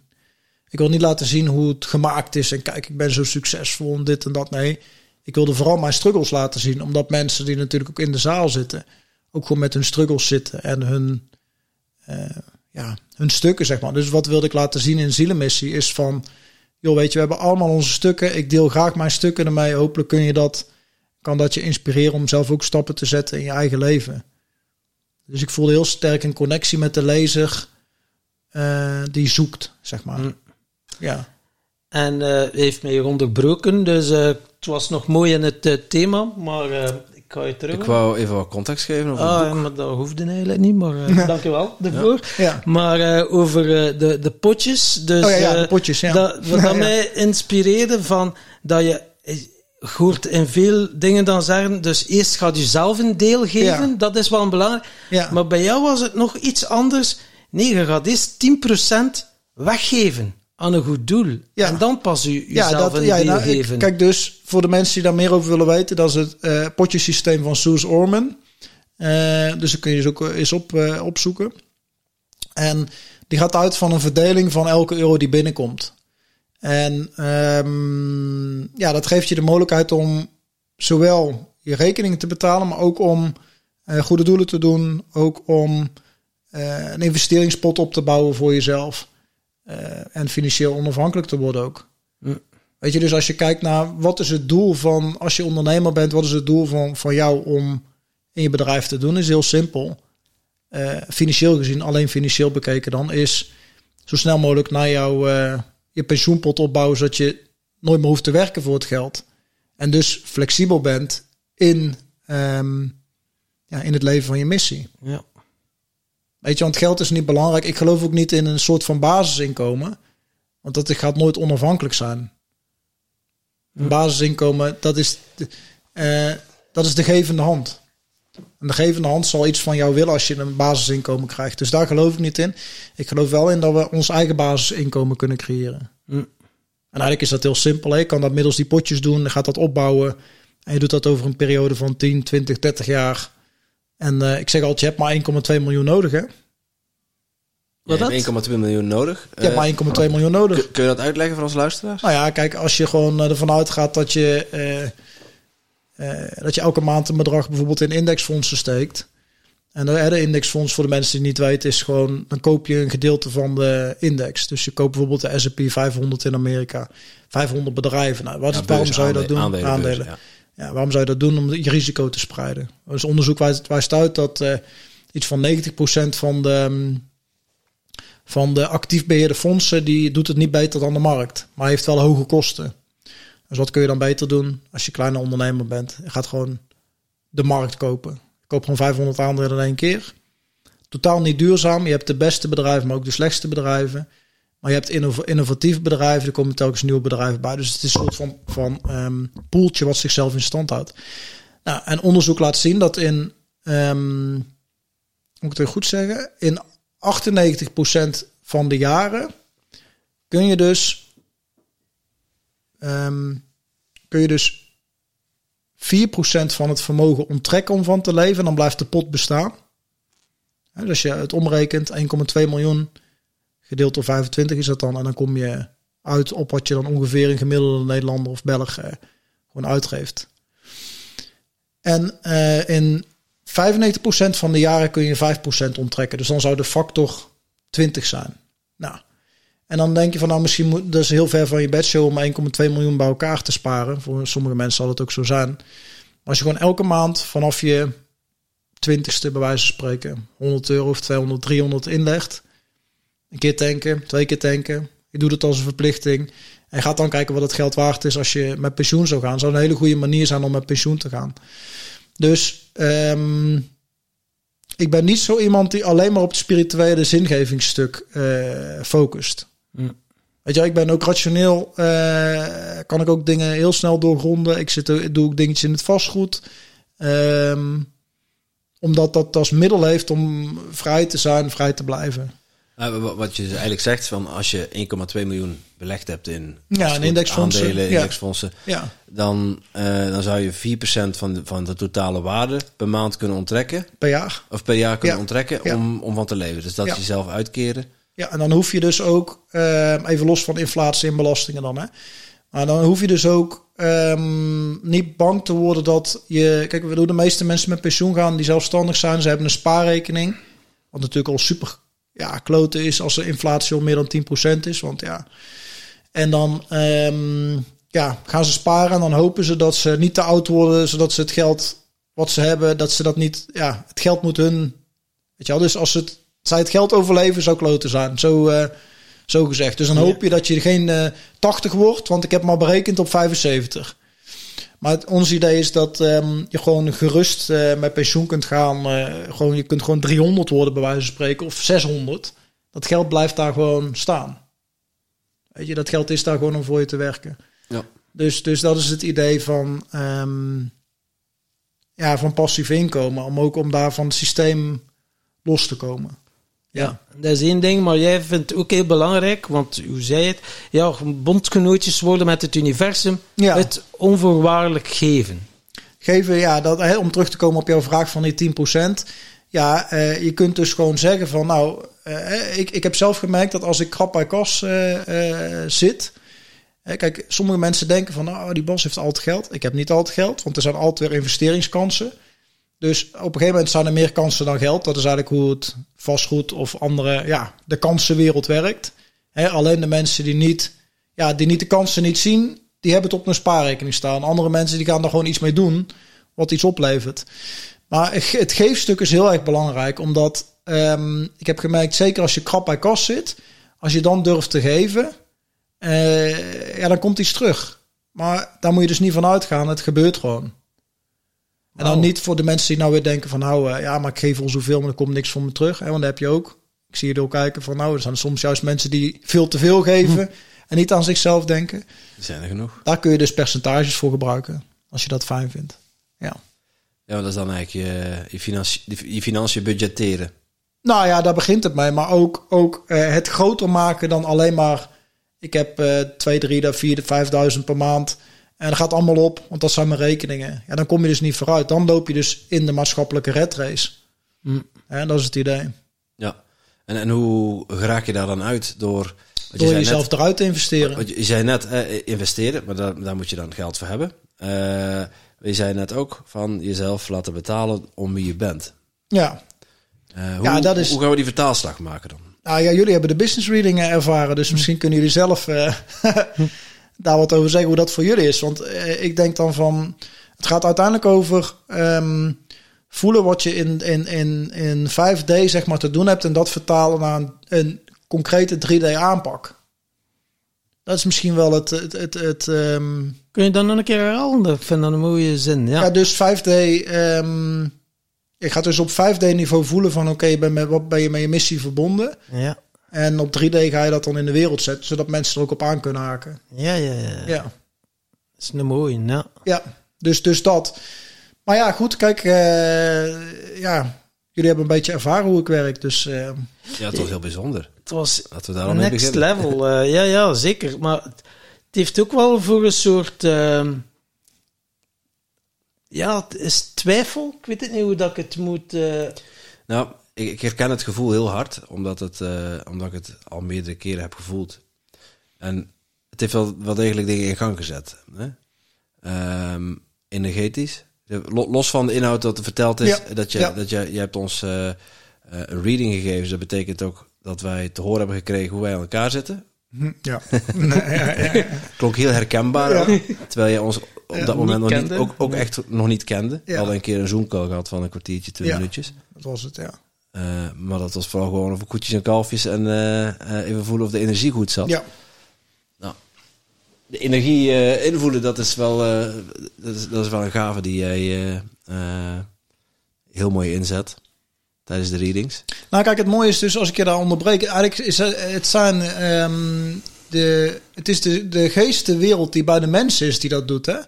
Eigenlijk, ik doe eigenlijk helemaal niks. Mensen zeggen dan, oh ja, dat doe, ja, dat doet Bas. Oh, bijzonder dit en dat. Maar als de geestenwereld morgen besluit, eh, ik ga niet meer naar Bas toe, maar niemand anders, ben ik de pineut, zeg maar. Dus, Je dus wat het doorgeefluik ik heb, niet, ik heb doe- niet de illusie dat het om mij gaat. Helemaal niet. Nee, absoluut niet. Je Nee. bent een soort doorgeefkanaal. Ja. Dus jij vertaalt wat Ja. dat je binnenkrijgt, vertaal Ja. jij dan... Ja, je, eh, maar je stemt af op de, op de helpers van degene die voor je is. En eh, dan ga je kijken van oké, wat speelt er in, bij die persoon of personen? En want bij jullie was het natuurlijk... eh, Ja, waren eigenlijk met drie dan, hè? In, in Twee die zin, energieën. Ja. Tim en Tom en dan Tim Tom. Podcast. Ja, ja. Tim, Dus het bedrijf, Ja. eh, maar eerst jullie en dan en kijk je, komen die energie bij elkaar. Dan heb je de energie van het bedrijf. Ja, ja. Dus het was een driedubbele het was een driedubbele voorbereiding, laat ik Ja, het zo zeggen. Ja. Drie keer afstemmen, drie verschillende energieën. Ja, Ja, en Het resultaat is dat we alle twee helemaal van de wap waren. Eh, Mm, mooi. ja, het heeft wel, eh, dat is wel even, even door elkaar geschud. Ja, want dat was... We, we, we hadden ook wel het idee van ehm, om, om met onze podcast iets, iets meer te gaan doen. Eh, we hebben gevoeld dat we door het podcasten dat we ook onze zielmissie leven en Ja, uitdragen. maar dat is belangrijk. Ja. En, en dat, dat ligt heel erg in het verlengde van wat jouw zielenmissie is. En dat, dat, ik denk dat daarom ook onze energie zo, zo mooi Ja. met je. Eh, dat, is, dat is andere. Maar eh, Tom zegt het ook wel eens: eh, andere mensen wakker schudden de potenties. Of ze de kans Mhm. geven van hun leven. Mhm. eh, om ja, te ontdekken dat er meer is dan, ehm, eh, dan gewoon maar volgen en eh, ja knikken. ja. Eh, ga op ontdekkingstocht. Onze speeltuin is onze podcast. En is voor heel veel mensen ook een hele mooie inspiratiebron om ingangen te vinden richting persoonlijke groei, ja. ontwikkeling, spiritualiteit, je leven terug in de hand nemen en zelf de regie te nemen. Ja. Even los van, van jullie situatie. Kijk, wat je vaak ziet is dat, ehm, dat mensen eh, op rationeel niveau, op denkniveau van alles proberen om strategie uit te denken, bijvoorbeeld. Weet je, oh, op strategie, dan doe ik een e-book of doe dat en dan zus en dan zo. En dat is natuurlijk wat ik, eh, ja, ik heb commerciële economie gestudeerd, dus ik ben een ik heb al één, eh, ik sta al met 3-0 achter, omdat ik marketing gestudeerd heb. Hè, commerciële economie, marketing. Hebben mensen ook al een oordeel over vaak. Ben nog net geen verkoper geworden, maar dat zou helemaal met 6-0 achter staan geweest zijn. En toen ben ik strategisch management eh, gaan doen. Eh, dus ik ken precies die processen, hoe dat je dat rationeel aan kunt vliegen. Eh, ik heb dat zelf gedaan bij bedrijven. En dan zie je dus dat dat, dat is allemaal 3D. Dat is, en dat heb je wel nodig. Maar ehm, ja, wanneer werkt nou een strategie voor een bedrijf of een persoon? Het is een strategie, hè? Het is niet iets wat... eh, je moet wel con- geconnecteerd zijn met waarom doen we dat dan nou eigenlijk precies? En daar zie je dat het vaak misgaat, omdat het, het gaat over, ja, wij doen een strategie. Mm. Maar staan dan, als je het hebt over mensen met bedrijven, met personeel, staan dan de neuzen dezelfde kant uit? Zijn we met hetzelfde bezig? En door die energetische lijnen te gaan zien en te, te scannen en te gaan eh, opruimen waar het eh, niet stroomt, ja, dan gebeurt het. Mm. Ja, dus ook weten wie je bent eh, en waarom je doet wat je doet. En, Ja. en met welke, eh, ja, met welke pet je in de wedstrijd zit ook. Dat, maar ook beseffen dat de echte, de real game is de energetic game. Dus als je echt kijkt van waar, waar worden, kijk, wij praten hier nu wel, hè, maar ehm, eh, we, zijn, we zijn gewoon, in principe zouden we ook gewoon eh, 1, 2, 3 uur stil kunnen zijn en een frequentie uitzenden. Het zou minder interessant zijn audiovisueel om naar te luisteren. Ja, voor onze luisteraars hebben we daar wat minder aan. Ja, maar als je nou echt wel, kijkt ja. van, van wat, wat, wat, wat doen we dan nou? We zenden allemaal een frequentie de wereld in. En dat doen ondernemers ook. Hè, maar als je dus bepaalde problemen ervaart, ja, bijna altijd is het zo dat, dat op die diepere lagen van, eh, van jezelf, daar liggen die oplossingen in het verhogen of veranderen van je eigen frequentie, met waar je wel of niet mee resoneert. Dus, dus dat is, ja, dat. dat. Ja. Ja, en dan komt daar wel je eigen stukken tegen. En dan kan het Ja. beangsten, want je kan het dan zo mooi in je hoofd gemaakt hebben. Zo, ah ja, dat, dat, dat. Dan Ja. wordt het even... woep, de, ja, ik weet niet wat dat er gebeurde. Eh, de, de, de bodem werd van onder je voeten en zo. en dan, dan hang je daar en dan heb je zoiets van... Wow, wat, wat is er hier gebeurd? Zo'n soort paradigma shift. Ja. Maar dan zit een nieuwe realiteit, maar dan is precies dat het helemaal niet meer weet. En dat je dan denkt, oh, je ziet dat ik niet goed bezig was. Of, of dan komen er zo allemaal het mentale... Ja. Je hebt er zo nog wat haakjes van, oh, en je wilt je nog zo krampachtig vasthouden Ja. aan het bekende. Maar het is juist vertrouwen in dat onbekende. Ja. En eh, ja, dat vind ik toch wel... poh, ja. Het doel is ook om, ehm, tenminste het doel niet, maar wat er vaak gebeurt is dat mensen inderdaad eventjes in een soort van eh, ja, zero state komen of zo. Als je dat zo kunt zeggen. Dan tussen, eh, eigenlijk, eh, ja, als je dus kijkt naar alle labels en je zou die dus één voor één af gaan pellen, dan kom je op een gegeven moment op het feit van dat dat, dat niet meer is. En dan kan je dat niet meer, dat level kan je niet meer ehm, rationeel benaderen. Daar kun je niet meer met je denken bij. En dat is eigenlijk waar je dus in NLP doen we daar dus de suggesties natuurlijk. Hè? Ja. Hè, van oh, je kan het, eh, of eh, je bent een goede partner, of whatever, Ja, ja, weet je wel. die bekrachtigende- Dat is, dan ga je bekrachtigen, omdat je dan, dan kun je suggestie of autosuggestie toevoegen. Maar ehm, die staat is nodig om, om echt los te komen van alles wat je zelf al bedacht hebt. Ja, is dan eigenlijk voorbij het kritisch denken uiteindelijk. Dat Ja, je ja, ja, ja, precies. een break state doet. Ja. Ja. Dat hebben we wel ervaren, denk ik. eh. Als ik voor mezelf spreek in ieder geval. Nee, maar dat mag. En dat is ook, eh, dat heb ik ook een aantal momenten in mijn leven ervaren. Dat je, kijk, alleen we moeten dus een soort van accepteren dat we het niet altijd hoeven te weten. Dat is een heel gek iets. Mensen willen de hele dag door alles weten. Waarom? Ja, omdat het eh, u een schijnzekerheid of een schijnveiligheid geeft. Het geeft je controle. Het geeft De illusie u van zo controle. illusie van controle. Ja, Ja. Maar de echte controle is controle loslaten uiteindelijk. Hè? ja. ja, maar dat klopt. Ik, ik heb eigenlijk bij mezelf ook wel ontdekt dat, dat, dat er, zit, er zit inderdaad die controle zit daar. Maar mijn nieuwsgierigheid zit daar ook in diezelfde hoek. En het is het verschil aanvoelen is wel eh, heel essentieel bij mij. ja. Eh, want het komt alle twee naar boven drijven. Maar waar, waar ga je aan toegeven? Het, het altijd willen weten vanuit controle of het, of het eh, willen ontdekken vanuit nieuwsgierigheid. Ja. Goeie.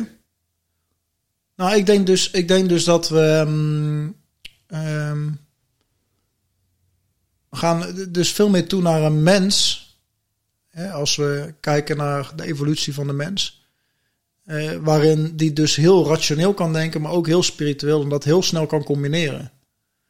En dat is iets, dat is iets wat we nog niet gezien hebben in de evolutie van de mens.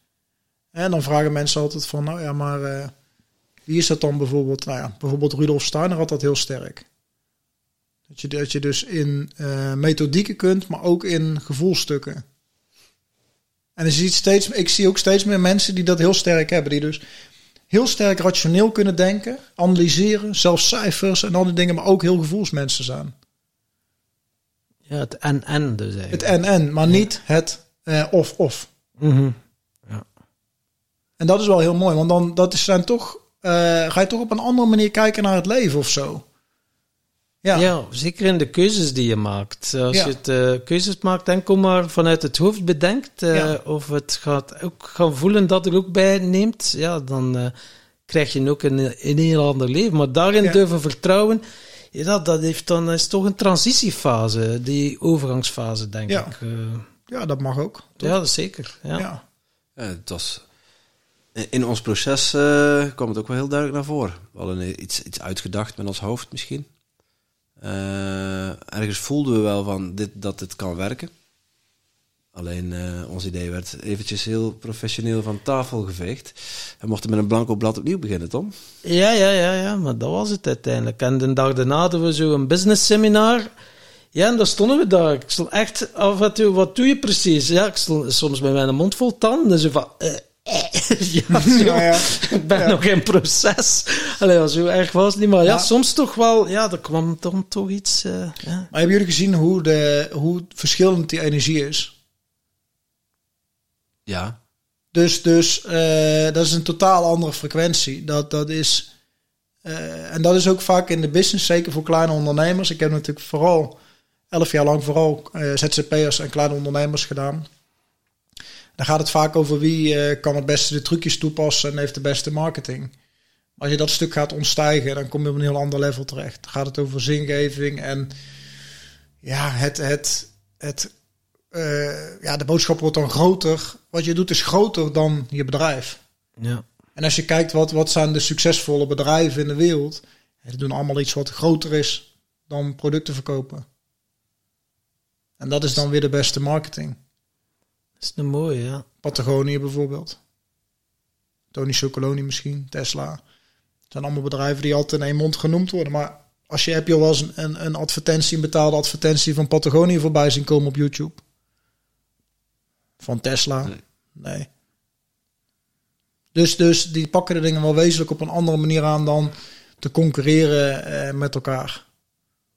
Ja, is wel inderdaad wel een, een eye-opener, maar ook zo, ja, het onbekende. En dat Ja. is waar dat we nu naartoe gaan, ben ik mij maar al te goed van bewust. Eh, dat die controle durven loslaten van, oké, niks is zeker, Ja. maar eh, als je daarop durft vertrouwen op, en je gevoel volgt, ja, dan gaat het universum met je meewerken. Dat is het. En ehm, ja, er is in de, in de heb ik dat ook met jullie bespreken, besproken, de, ehm, de Blue and the Red Ocean Strategy. Ja. Hebben we ook over gehad. Ja, dus een van de doelen van eh, de business readings is om mensen weer connectie te laten maken met hun eigen stukken. Maar ook om ze uit de concurrentie te halen met eigenlijk alle andere mensen die ook al doen wat zij doen. Soortgelijk, Ja. eh, ja. Hé, ik ben coach. Nou, oké, ik kan meteen inpakken. Weet je wel, maar het is allemaal hetzelfde, hetzelfde, hetzelfde. Dus het is vaak wel even zoeken naar hoe kan je dat dan profileren.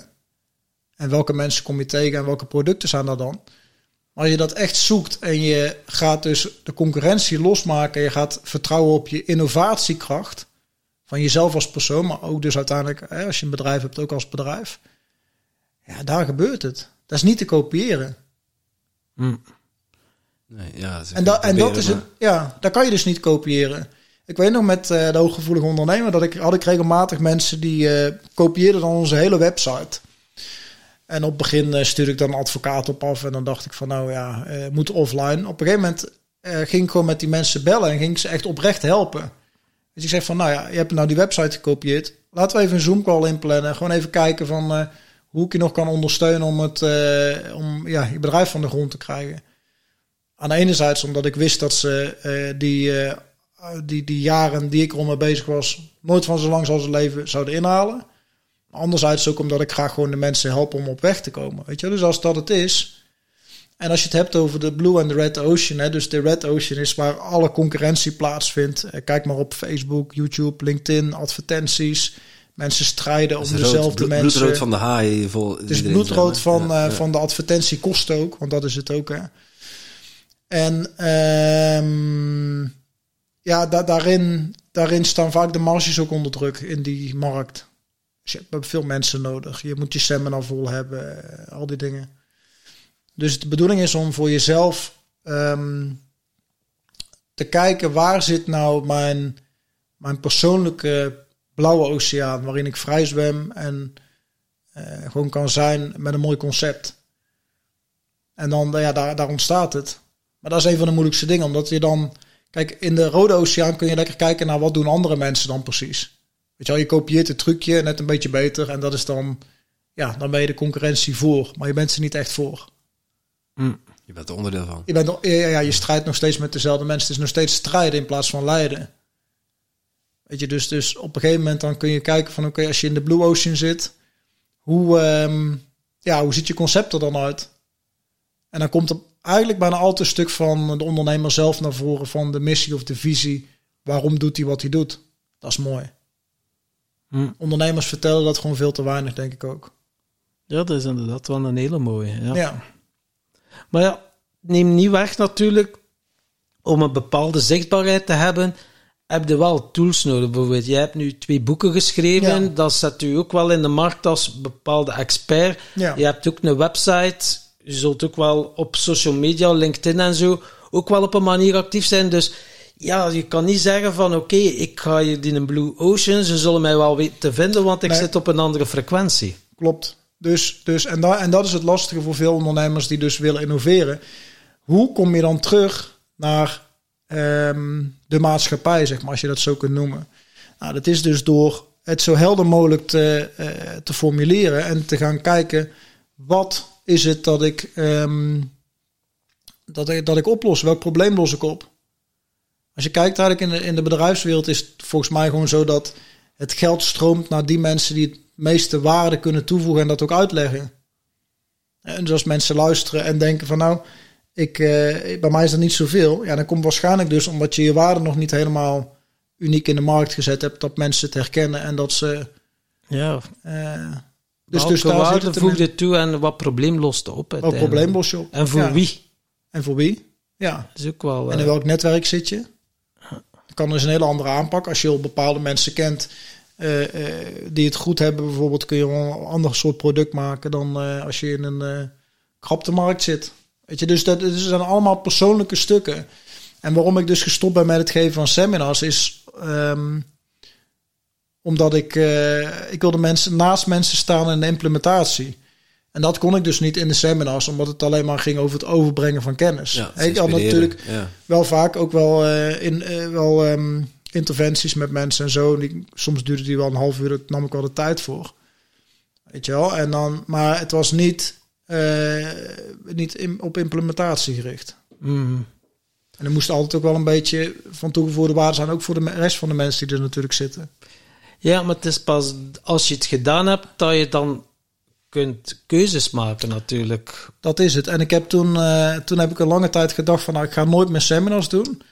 En gisteren mediteerde ik en toen kwam er toch weer een beeld van een of andere, nou, ik weet niet wat het was, een of andere ondernemerssetting waar ik weer iets aan het vertellen was. Het was het Tim Tom Podcast Festival. De Tim Tom Podcast ja, Festival. Ja. Ja. Nou, ja, ik weet niet, maar... 9 dus, september dus, 2023. Ja. 2023, ja. Nee, maar dus, dus blijkbaar is dat toch... Kijk, soms moet je totaal afstand nemen van dingen om het helemaal een ander perspectief te plaatsen. En dus, dus nu ontstaat toch weer iets nieuws of zo. Ik weet niet. Uh Ja, ja, maar dat is het. Naar buiten toe. Ik heb ook een lang proces gehad. Twee jaar denk ik nu van binnen zijn.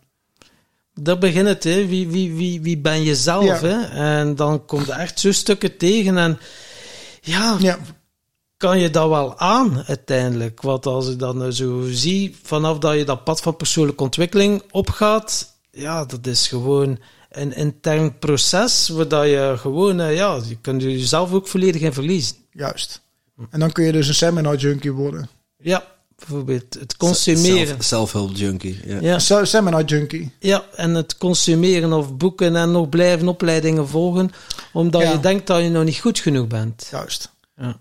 Dus uh, ik zei altijd, vakinhoudelijk zijn de meeste van uh, jullie wel um, wereldklasse, maar je geeft het nog niet terug op je bankrekening. En waarom? Omdat de mensen dus, veel ondernemers, zeker kleine ondernemers, waar jij het ook over hebt, denk ik, die werken niet aan wat nodig is voor hun bedrijf, maar waar ze zelf zin in hebben. En dat is gewoon een probleem. Mm. Weet je, als je het niet leuk vindt om zichtbaar te zijn, dan ga je nog een cursus volgen. Ja, je kan nog tien volgen, want dan heb je nog steeds geen klant. en en wat, wat dus mij aan het hart ging, is van op een gegeven moment waren er ook eh, mensen die besteden echt hun laatste euro's. Niet aan eh, het in de markt zetten van hun kennis, maar juist aan ja, nog een cursus Nog om beter te worden in hun bedrijf. Dus je kunt heel goed zijn in, maar als je niet werkt aan, dan gebeurt er nog niks.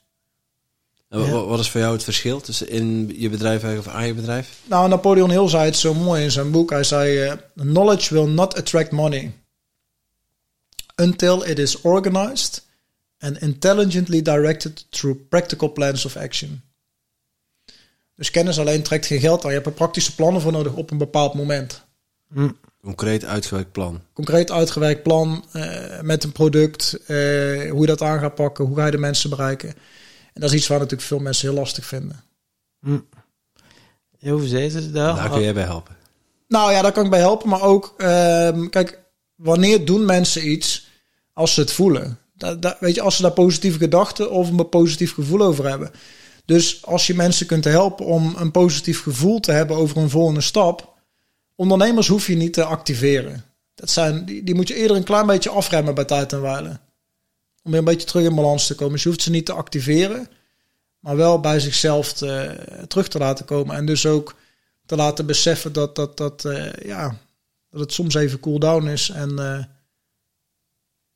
doen wat nodig is, ook voor jezelf.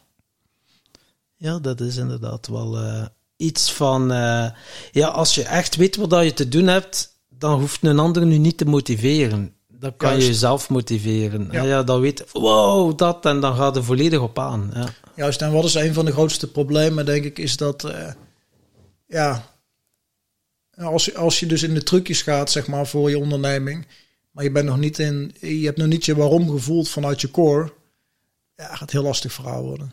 Ja, dat is... eh, veel ben je mensen- vanuit je hoofd aan het ondernemen. De vraag is zelfs of je aan het ondernemen bent. Nou, er zijn mensen die eh, een bepaalde strategie toepassen. eh, die ze geleerd hebben, van marketingstrategie of, Ja. iets dergelijks. En, En, daar toch, en dan? daar toch eh, aardig, aardig geld mee binnen, binnenhalen. En wat, is, wat voor hun dan belangrijk is. En waar ze Ja. zichzelf zelf dan succes voor vinden. Ja, dat mogen ze dan vinden. Ja. ja.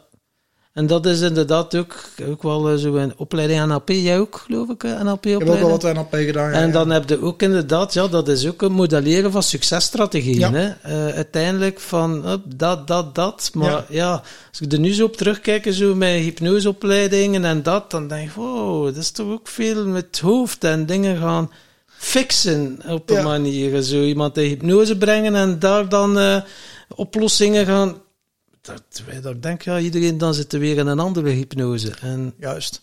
Dus eigenlijk wat je, wat je als, dat is misschien wel goed om even concreet eh, te worden waarvan ik denk van wat kun je onderzoeken, zeg maar, als klein ondernemer. Je hebt een goed hoofdproduct nodig. Gewoon een product wat eh, goed gedefinieerd is, wat zegt wat het doet. Dus niet coaching, nee. Wat is het dan? Hoe noem je dat dan? ja, Moet je echt een naam geven. Mensen kijken gewoon naar de koppen. Dat is gewoon zo. Hè, wij deden bijvoorbeeld ehm, ons, eh, ons, een van onze trainingen heette dus topondernemer. Ik had hem ook eh, eh, driedaagse ondernemerschap kunnen noemen. Totaal niet sexy. Komt geen hond op af. ja, Weet je, dus wat, wat, wat heb je gekocht? Nou, ik heb het toppakket nummer 4 gekocht. Met de topondernemer, topbalans, topfinanciën erin. Een jaarprogramma. Nou. Dus het, de namen zijn ontzettend belangrijk in wat je doet. Dus dat, dat is het eerste wat je nodig hebt. Een goed hoofdproduct. Dan ga je daar een kennismakingsproduct voor, voor zetten.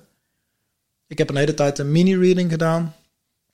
Maar een soort, eh, ja, kleine business reading. Nu doe ik dat niet meer omdat de meeste mensen gewoon via het netwerk komen en ik dus selectiever ben geworden in wie, eh, eh, met wie ik wel werk en met wie ik niet werk. Dus dat heb je nodig. En dan daaromheen, eh, de derde stap is dan een goed eh, referentiesysteem voor die mensen die ehm, blij met je zijn. Hm. En dus wat ik deed op het begin toen ik net met de business reading gestart was, gaf ik eh, mensen drie vouchers mee. Jullie hebben die trouwens ook ja gehad. klopt. Soms doe ik het nu nog wel, soms niet. Ligt er een beetje aan wie het, wie het is. Drie vouchers van, ken je soortgelijke mensen die eh, behoefte zouden hebben aan een mini-reading? Nou, kun je ze doorgeven, mooi cadeautje. Komt weer in het netwerk terecht. En dat is het dan. En dus dat zijn eigenlijk de drie belangrijkste stappen. En dan wat je daaraan toe kunt voegen is dan zichtbaarheid. Hm. Maar je hebt een, een systeempje nodig, hè, heel concreet, wat zeker als kleine ondernemer, als je een dienst of een product verkoopt, wat, ehm, ja, wat, wat, wat tevreden klanten uitnodigt om jou meer ehm, van jou te... meer van jou te laten zien, zeg maar. Ja. Meer van jou te laten zijn. Dus dat is denk ik de kern van een, als je het zo kunt noemen, een coachingsbusiness of ja, hoe je het wilt noemen, een dienst, een dienstverlenend. Ja, iets. ja, eerst heb je wel zo een kennismakingsproduct, ja, Ja. dan ze toch wel weten of bes- ja, Ja. van wie heb ik hier, eh, ja, wil ik hier met een dienen überhaupt Ja. mee eh, een traject aangaan? Ja. Wat, eh, ja. Like no, trust by. Was het, Ja. ja. Nou kijk, het probleem is dus vaak als je het daarover hebt, ehm, is dat ehm, hè, dus als je gaat concurreren in de Rode Oceaan, dan moet je dus via advertenties telkens nieuwe klanten binnentrekken. Wat dus eigenlijk ervoor zorgt dat je, als je niet uitkijkt, gefocust bent op alleen maar binnenhalen van nieuwe klanten. En dat je dus niet echt gefocust bent meer op de retentie van de bestaande klanten. En het echt goed doen voor die mensen die er al zijn. ja.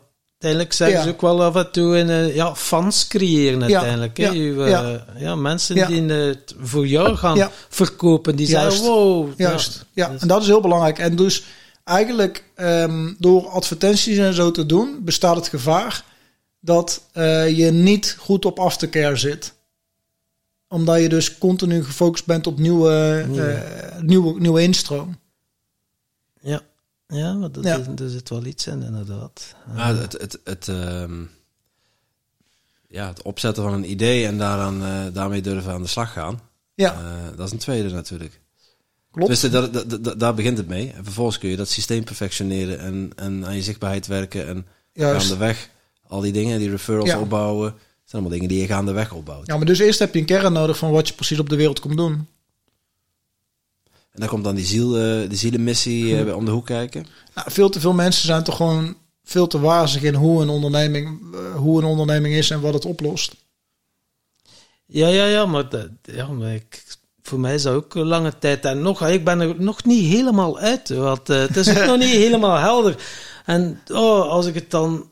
En dan merk ik, dan wil ik het gaan forceren op een manier. Ja. Want dat is zo nog een oud patroon. Allee, kom, nu moet, nu moet het toch. persen. Ja, nu Ja. moet het toch, nu moet het toch. En dan verlies ik, want dan loopt het zo leeg. En dan denk ik, wow, nee, nu even stilzitten en gewoon niks doen. Maar ja, dan denk ik, ja, niks doen, zo gaat het ook niet oplossen. Dan maatschappelijk, zitten in- maatschappelijk gezien niet geaccepteerd, hè? Niks doen. ja, ja, man, man, man. En dan zitten we weer in die cirkel. Ja, niks doen. Ja, zo, zo zal het wel lukken. Maar dan zitten we in een dialoog met jezelf. Ja. Terwijl dat het dan ook weer niet naar die kern, naar Ja. die stilte kunt. Omdat al die stemmetjes hebben dus iets, ja, ja zo, zo, Ja. zo, nu zijn ze goed bezig. Ja. kun je niets doen. Ah, ja. Ja. En zo, zo gaat het wel komen. Ja. Ik, ik hoor die stemmetjes zo bezig. Ik kwam onlangs nog een quote tegen. Ik vond hem fantastisch. Je kunt beter niks doen dan heel druk zijn met niks. Ja. Dat is mooi. Ja. Ja. Dat is mooi. Gun hè? het Ja. jezelf maar. Gun het jezelf maar. Of ehm, don't, be, don't be major in minor things. Oké. Ja, ja. Maar ja, dat is inderdaad weer die stemmetjes. Hè, en ze gaan observeren. Hè. Ja, op een of andere manier zijn ze ook om u te beschermen of om ergens iets niet te moeten doen uiteindelijk. Hè. Hoe doe jij dat trouwens? Ja, hebt waarschijnlijk ook stemmetjes allemaal. Hè. De, Ja, de zeker. innerlijke Zeker. criticus en dat. Meer dan twee per dag. Ja, ja. Nee, maar ik denk dat dat heel, dat dat heel eh, menselijk is. tuurlijk. Ja. Maar, op het een is hoe gegeven dat je ermee omgaat. En hoe ga jij er bijvoorbeeld mee om met die stemmetjes? Eh, nou, eh, kijk, hoe je ze het beste stil krijgt is door keiharde resultaten. Dus, dus op het moment dat je gewoon, eh, eh, ik weet nog bij de seminars, eh, ja Bas, je krijgt eh, dat stemmetje, ik krijg nooit tien mensen bij elkaar. Had ik er tien, eh, ja, die was stil. Toen zei hij, nou, ik krijg nooit vijftig mensen bij elkaar. Had ik er vijftig, was hij weer stil. En zo honderd. En zo op een gegeven moment hadden, die zei, ik krijg nooit 500 mensen bij elkaar. Nou, 500 man in de zaal. Hoppatee. Maar dat is dan dus wel meer het ego van meer en beter constant. Je ego, ja, maar het zijn allemaal verschillende stemmetjes. ja, dus, ja, dus- tuurlijk. ja. en ook iedereen heeft dat op een andere manier. Dus eigenlijk kan je er ook niks eh, over zeggen. Maar het is wel ook, eh, kom, kom je tot actie ondanks de stemmetjes. Die zijn er altijd. Ja. Ja, Ja, ja, het is een illusie om te denken van... Ja, nee, maar die zijn, er- die zijn er gewoon altijd. Dat, dat, dat- ja, maar dat is echt zo, ja. En dat mag er ook zijn Ja, trouwens. en sommige stemmetjes komen veel meer op de voorgrond. En eh, ja, het is gelijk op een... Ja, wie zit het achter, het- achter het stuur hè, Ja. van de stem? Eh, gelijk dat je een bus hebt Ja. met al uw eh, deelpersoonlijkheden. Sommigen zitten in de koffer, komen nooit achter het stuur. Ja. Ja, ja, ja, en ja, ja, anderen ja. zitten op de achterste rij. En sommigen ja, zijn er weer. en, en dan, ja, die kunnen nu wel Ja. flink te pakken hebben ook. Maar weet je, ik denk ook dat ehm, als je afgestemd bent op de geestenwereld, dan, dan, dan ja, gaat het proces ook anders. Ja, en Ja. afstemmen op de geestenwereld. Ja, sommige mensen denken nu wel, Bas, jongen, eh, zweef maar weg met uw bezem. Eh, Dat. Maar dat mag helemaal. Maar ik, ik, onze ik, heb dat, ik heb dat zelf ook nog steeds. Ja, ja. Maar onze luisteraars, oké, zijn ook wel vrij spiritueel. Maar kan iedereen dat, zich afstemmen op de geestenwereld? Of is Nou, dat een ik, heb me dus daar, ik heb me daar dus heel lang tegen verzet. Ik dacht van nou, eh, laat lekker andere mensen dat maar doen. Daar ga ik echt nooit iets over vertellen. ga ik al helemaal niet doen. Dus ik duwde dat, eh, dat weg. Maar ik denk nu, en dat zie ik ook bij de ondernemers die, eh, die ik nu begeleid. Heel veel mensen zijn ermee bezig, maar hebben er ook last van. Dus het is ook een soort van coming out. eh, hè, dat je in contact bent met de, met de geestenwereld is... als jij 100 vastgoedpanden hebt... is dat dan een dingetje? Ja, dat is die. En die, ja, die praat met geesten. En dan word je snel al weggezet als wappie. Terwijl die wel mega succesvol is. Weet je wel? Dus ik zie, het, is, het is tweeledig. Aan de ene kant is het ehm, een, een nieuwe wereld die zich aan het ontstaan is. Waarin dat volgens mij heel normaal gaat zijn. En aan de andere kant eh, het uit de kast komen van eh, mensen die, ehm, ja, die contact hebben met de geestenwereld. Ja. En nu voor de, de, ja, voor de beginners, maar hoe weet je dat de stem uit de geestenwereld komt en niet van je ego? Is dat een gevoel of is dat... Of, hoe heb geen je, idee. Geen idee. Geen idee. Dus jij krijgt gewoon dingen binnen en dan Ja. denk je, oké. Soms zijn het beelden, soms zijn het. ehm, ja, dus, dus het, ehm, iedereen heeft dat op zijn eigen manier ook weer. Hè? Dus je kunt dat op een eh, helder voelende manier hebben, op een helder horende manier. Je kunt het, eh, sommige mensen hebben een soort van projectiescherm, zien het daar verschijnen. Oké. Dus dat kan, ook, eh, kan het ook zijn. Of je, je ziet letterlijk aura's. Of, nou ja. Ja, ja, ja. Dus ik denk zelf dat eh, ik ben ook heel nuchter in eh, al die dingen. En eh, ik denk zelf dat hier de komende tijd heel veel onderzoek naar gedaan gaat worden. Dat het over 50 jaar zeg maar totaal normaal gaat zijn. Ja, ja, ik kan mij ook wel voorstellen dat Ja. heel veel mensen die in de psychiatrische instellingen zitten, dan die gewoon helder voelend en helder horend en eh En stemmen. daarom heb ik ook nooit met een psychiater gepraat. ja, Ja, ja, wij wel al. eh, ja, ja nou goed. Was voor of na de business meeting? Ja. daarna, ja. de dag daarna. Nee, maar eh, kijk, ehm, dus er zijn nou eenmaal ook. Vroeger was het wel zo, denk ik, dat dat echt helemaal gereserveerd was voor de mensen die hartstikke zweverig waren en al die dingen. Maar nu ook, ik zie het ook aan de bedrijven waar ik dan kom. Ja, dat, dat, dat, dat, dat zijn niet de minste. Dus er is wel echt iets aan het veranderen. Er is, staat veel meer open voor eh, oplossingen zoeken op andere manieren of zo. Mhm. Want dat is ook mijn doel hè, binnen de bedrijven. Ik moet wel, ik- kijk, ik word gewoon betaald voor een oplossing. Zo simpel is het. Als ik geen oplossing heb, dan eh, bellen ze me de volgende keer niet meer. Mhm. Dus ja, zo werkt dat gewoon.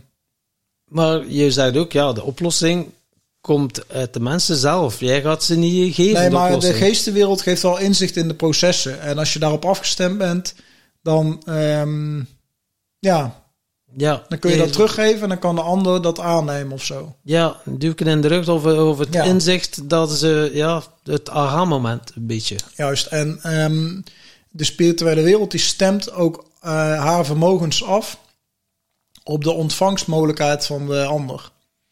Dus als iemand nog helemaal niet open staat, ja, dan, dan komt er ook weinig door. Die ander kan helemaal niet ontvangen. Ja. Terwijl als je heel erg geconnecteerd bent, dan kun je heel snel wisselen. Mhm. Ja, ja, ja. ja.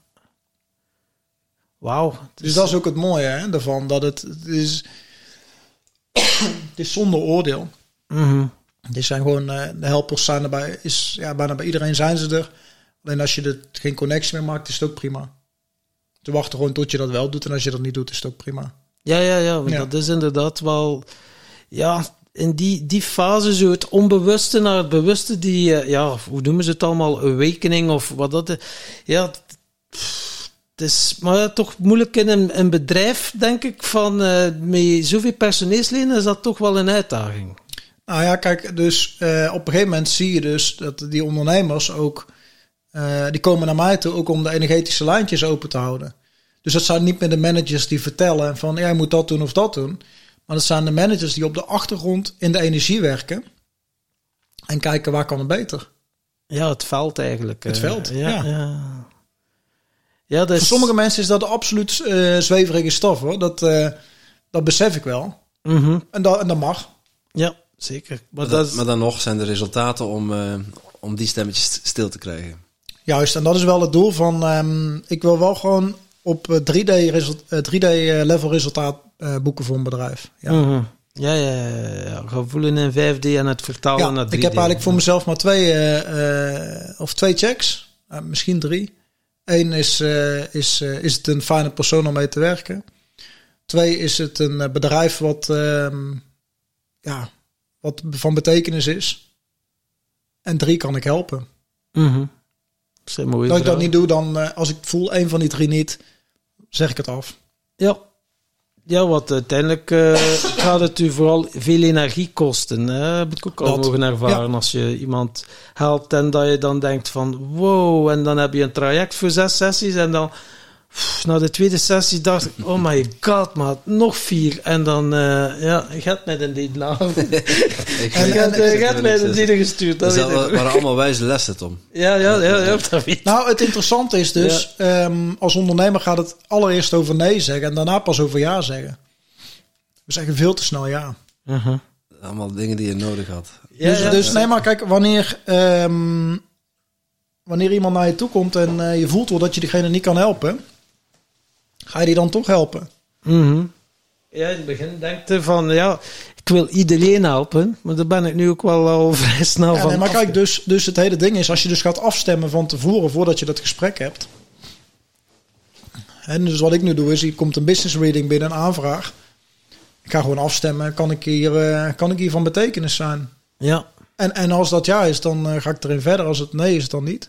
ja, dat is wel eh, heel eh, duidelijk ook zat helder. Nou, kijk, Bij ons toen had hij wel het gevoel dat er iets, eh, dat er iets in zit in onze, in onze mars. ja, nee, maar kijk, het gaat over om- ook om mooie mensen die iets willen toevoegen aan de wereld. Dus ik zal niet bij een Shell of zo, eh daar, ga ik niet, daar ga ik niet werken. Mhm. Ja, Weet je, dus, dus ehm, ik, ik heb van, toen ik zei, van, toen ik hiermee aan de slag ging, heb ik wat ik voor mezelf van, nee, dit moet ik ehm, helemaal lostrekken. Alleen ik moet op energetisch niveau gaan afstemmen van klopt dit? Ja. En als het klopt, dan doe ik het. En als het niet klopt, dan is het blijkbaar zo dat het niet klopt. Ja, ja, ja, want dan eh, gebeurt er ook van alles. Als je dat durft ook uit te Ja. spreken, dan gebeurt er op energetisch vlak iets. En ga je echt ook enkel maar mensen aantrekken die bij jou passen op Ja. een of andere manier. Ja, dat is het. Ja. Hoe, hoe, hoe voel jij voor jezelf iets, of iets klopt? Ehm, je, je bedoelt in de zin van in de settings, in de business readings. Eh, nou, je verifieert natuurlijk altijd bij de mensen dat dat, eh, dat is het belangrijkste. Maar soms worden er ook gewoon hele concrete details genoemd. Eh, ik had gisteren bijvoorbeeld iemand in het vastgoed zitten en die had mij daar niks over verteld, over het vastgoed. Maar die bleek dus, ik kreeg erdoor dat het dus bezig was met een project van vier verschillende appartementen. Dat dat niet helemaal goed liep. Dus ik zei van, je hebt een project met vier appartementen, wat je aan het ontwikkelen bent, wat niet helemaal goed loopt. Zij zei, ja, maar dat kan je niet weten. Ik heb dat aan niemand verteld. We, alleen mijn man en ik weten dat. Weet je, dan ben je gewoon om meteen, eh, dan is het meteen aan.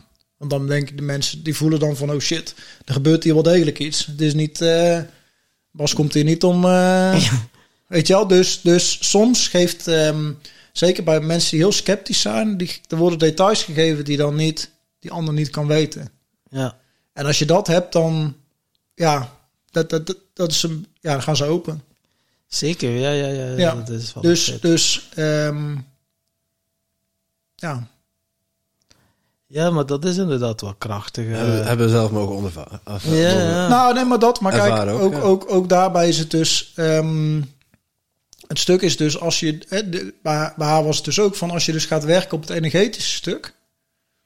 Ik had bijvoorbeeld wel eens een keer een, eh, een, eh, een verbouwing voor mezelf die niet doorging.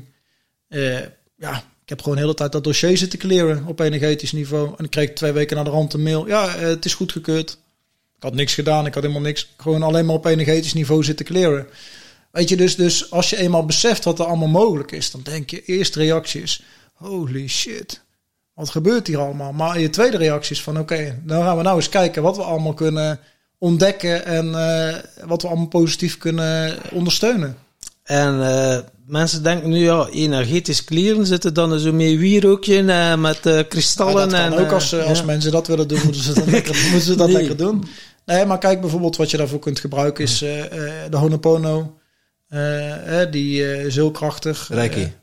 ja, nee, de, symbool. de Honopono, de... Um, Dankjewel, ik vergeef ja. je. Oh, ja, ja, ja. ja. En als je dat dus doet, er zijn ook heel veel mooie resultaten over gedaan. Dus door Dr. Hugh uh, Len heeft daar veel over geschreven. En Joe Vitale heeft daar ook een boek over geschreven. Dat heet uh, Zero, Limits.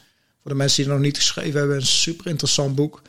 En in dat boek wordt beschreven hoe um, die dokter um, een psychiatrische, uh, een afdeling van een psychiatrie onder handen nam, maar dan alleen door de dossiers op zijn bureau te hebben en de dossiers te clearen. En op een gegeven moment waren er geen patiënten meer die in die, psychiat die psychiatrische inrichting zaten. Dus er is, zoveel, er is zoveel meer mogelijk. En ik denk dat dus dat we dat nu weer gaan herontdekken als, eh, als hele aardse wezens. Dat we dus, ja, het is een beetje vergeten geraakt. Hè? Ook onderdrukt als je kijkt naar de afgelopen, laten we zeggen, 500, 600 jaar. Ja, ja, ja. Ja. Dus hè, als je daarmee bezig hield, dan kom de brandstapel terecht. Ja, het is ook een bepaalde industrie die Of je kop draait, ging er gewoon Ja. af. Ja. Ja. De psychiatrie, die, die draait ook op een industrie. Ja, nee, tuurlijk. Die Maar, eh, dat is, maar ja. kijk, dat is, dat is dus het hervinden van onze vermogens op heel veel verschillende vlakken. En dus ook weer de mogelijkheden die we allemaal hebben.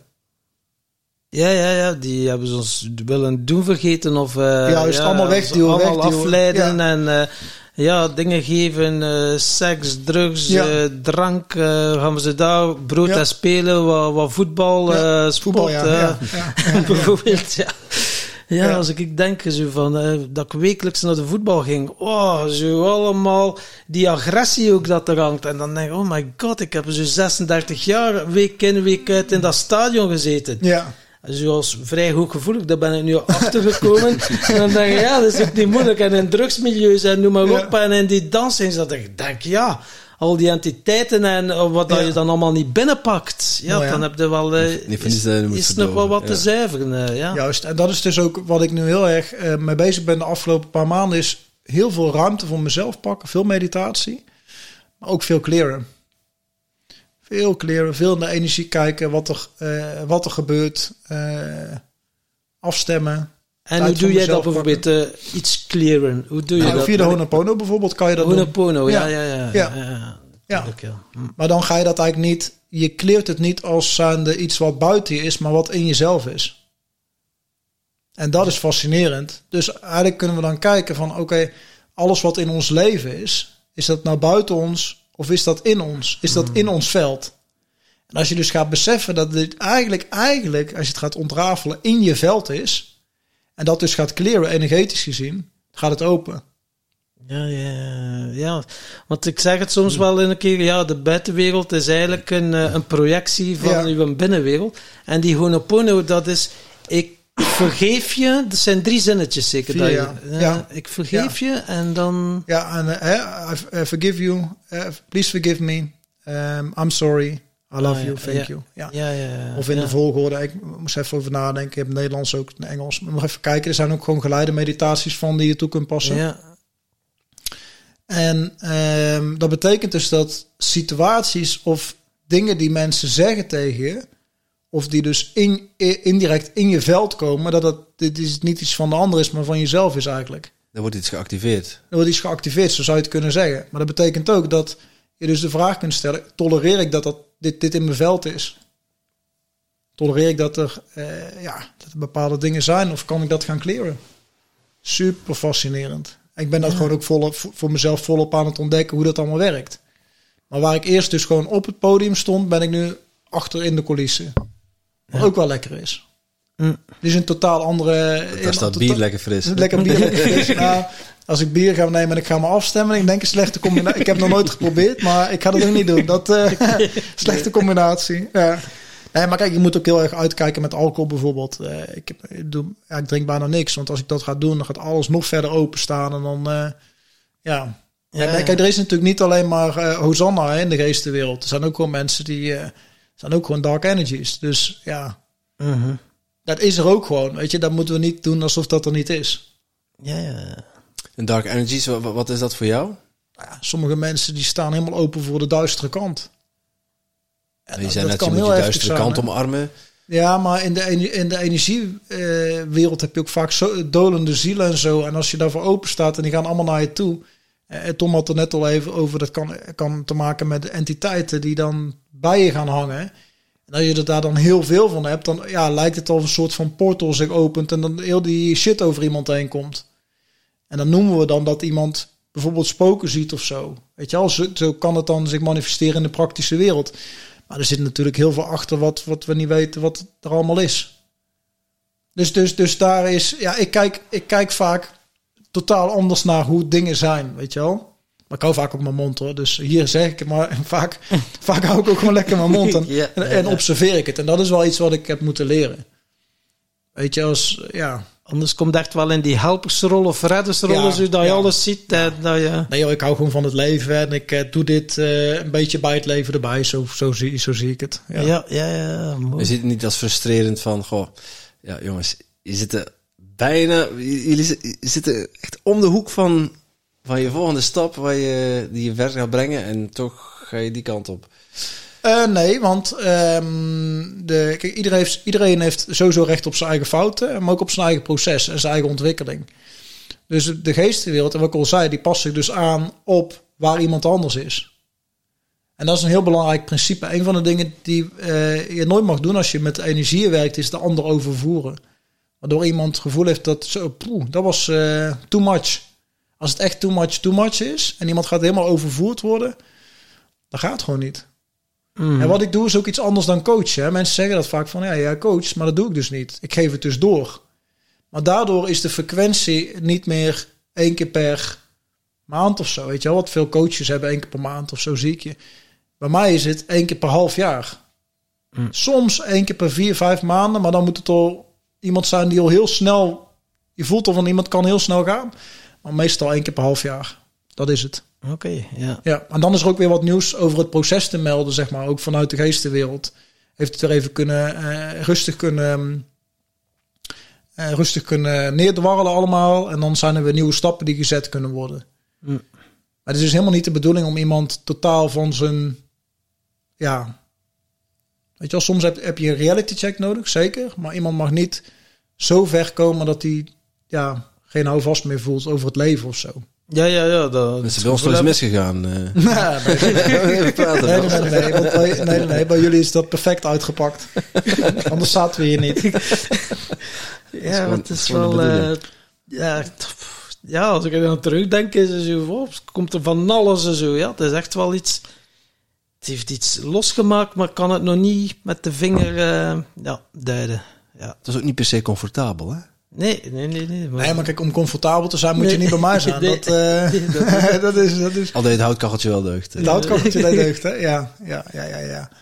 Nee, maar kijk, het... ehm, hè, er is meer voor iedereen en er ook meer in de wereld. Maar ook gewoon meer... Je kan altijd een stapje meer je ziel ontdekken of zo. Dat, Mhm.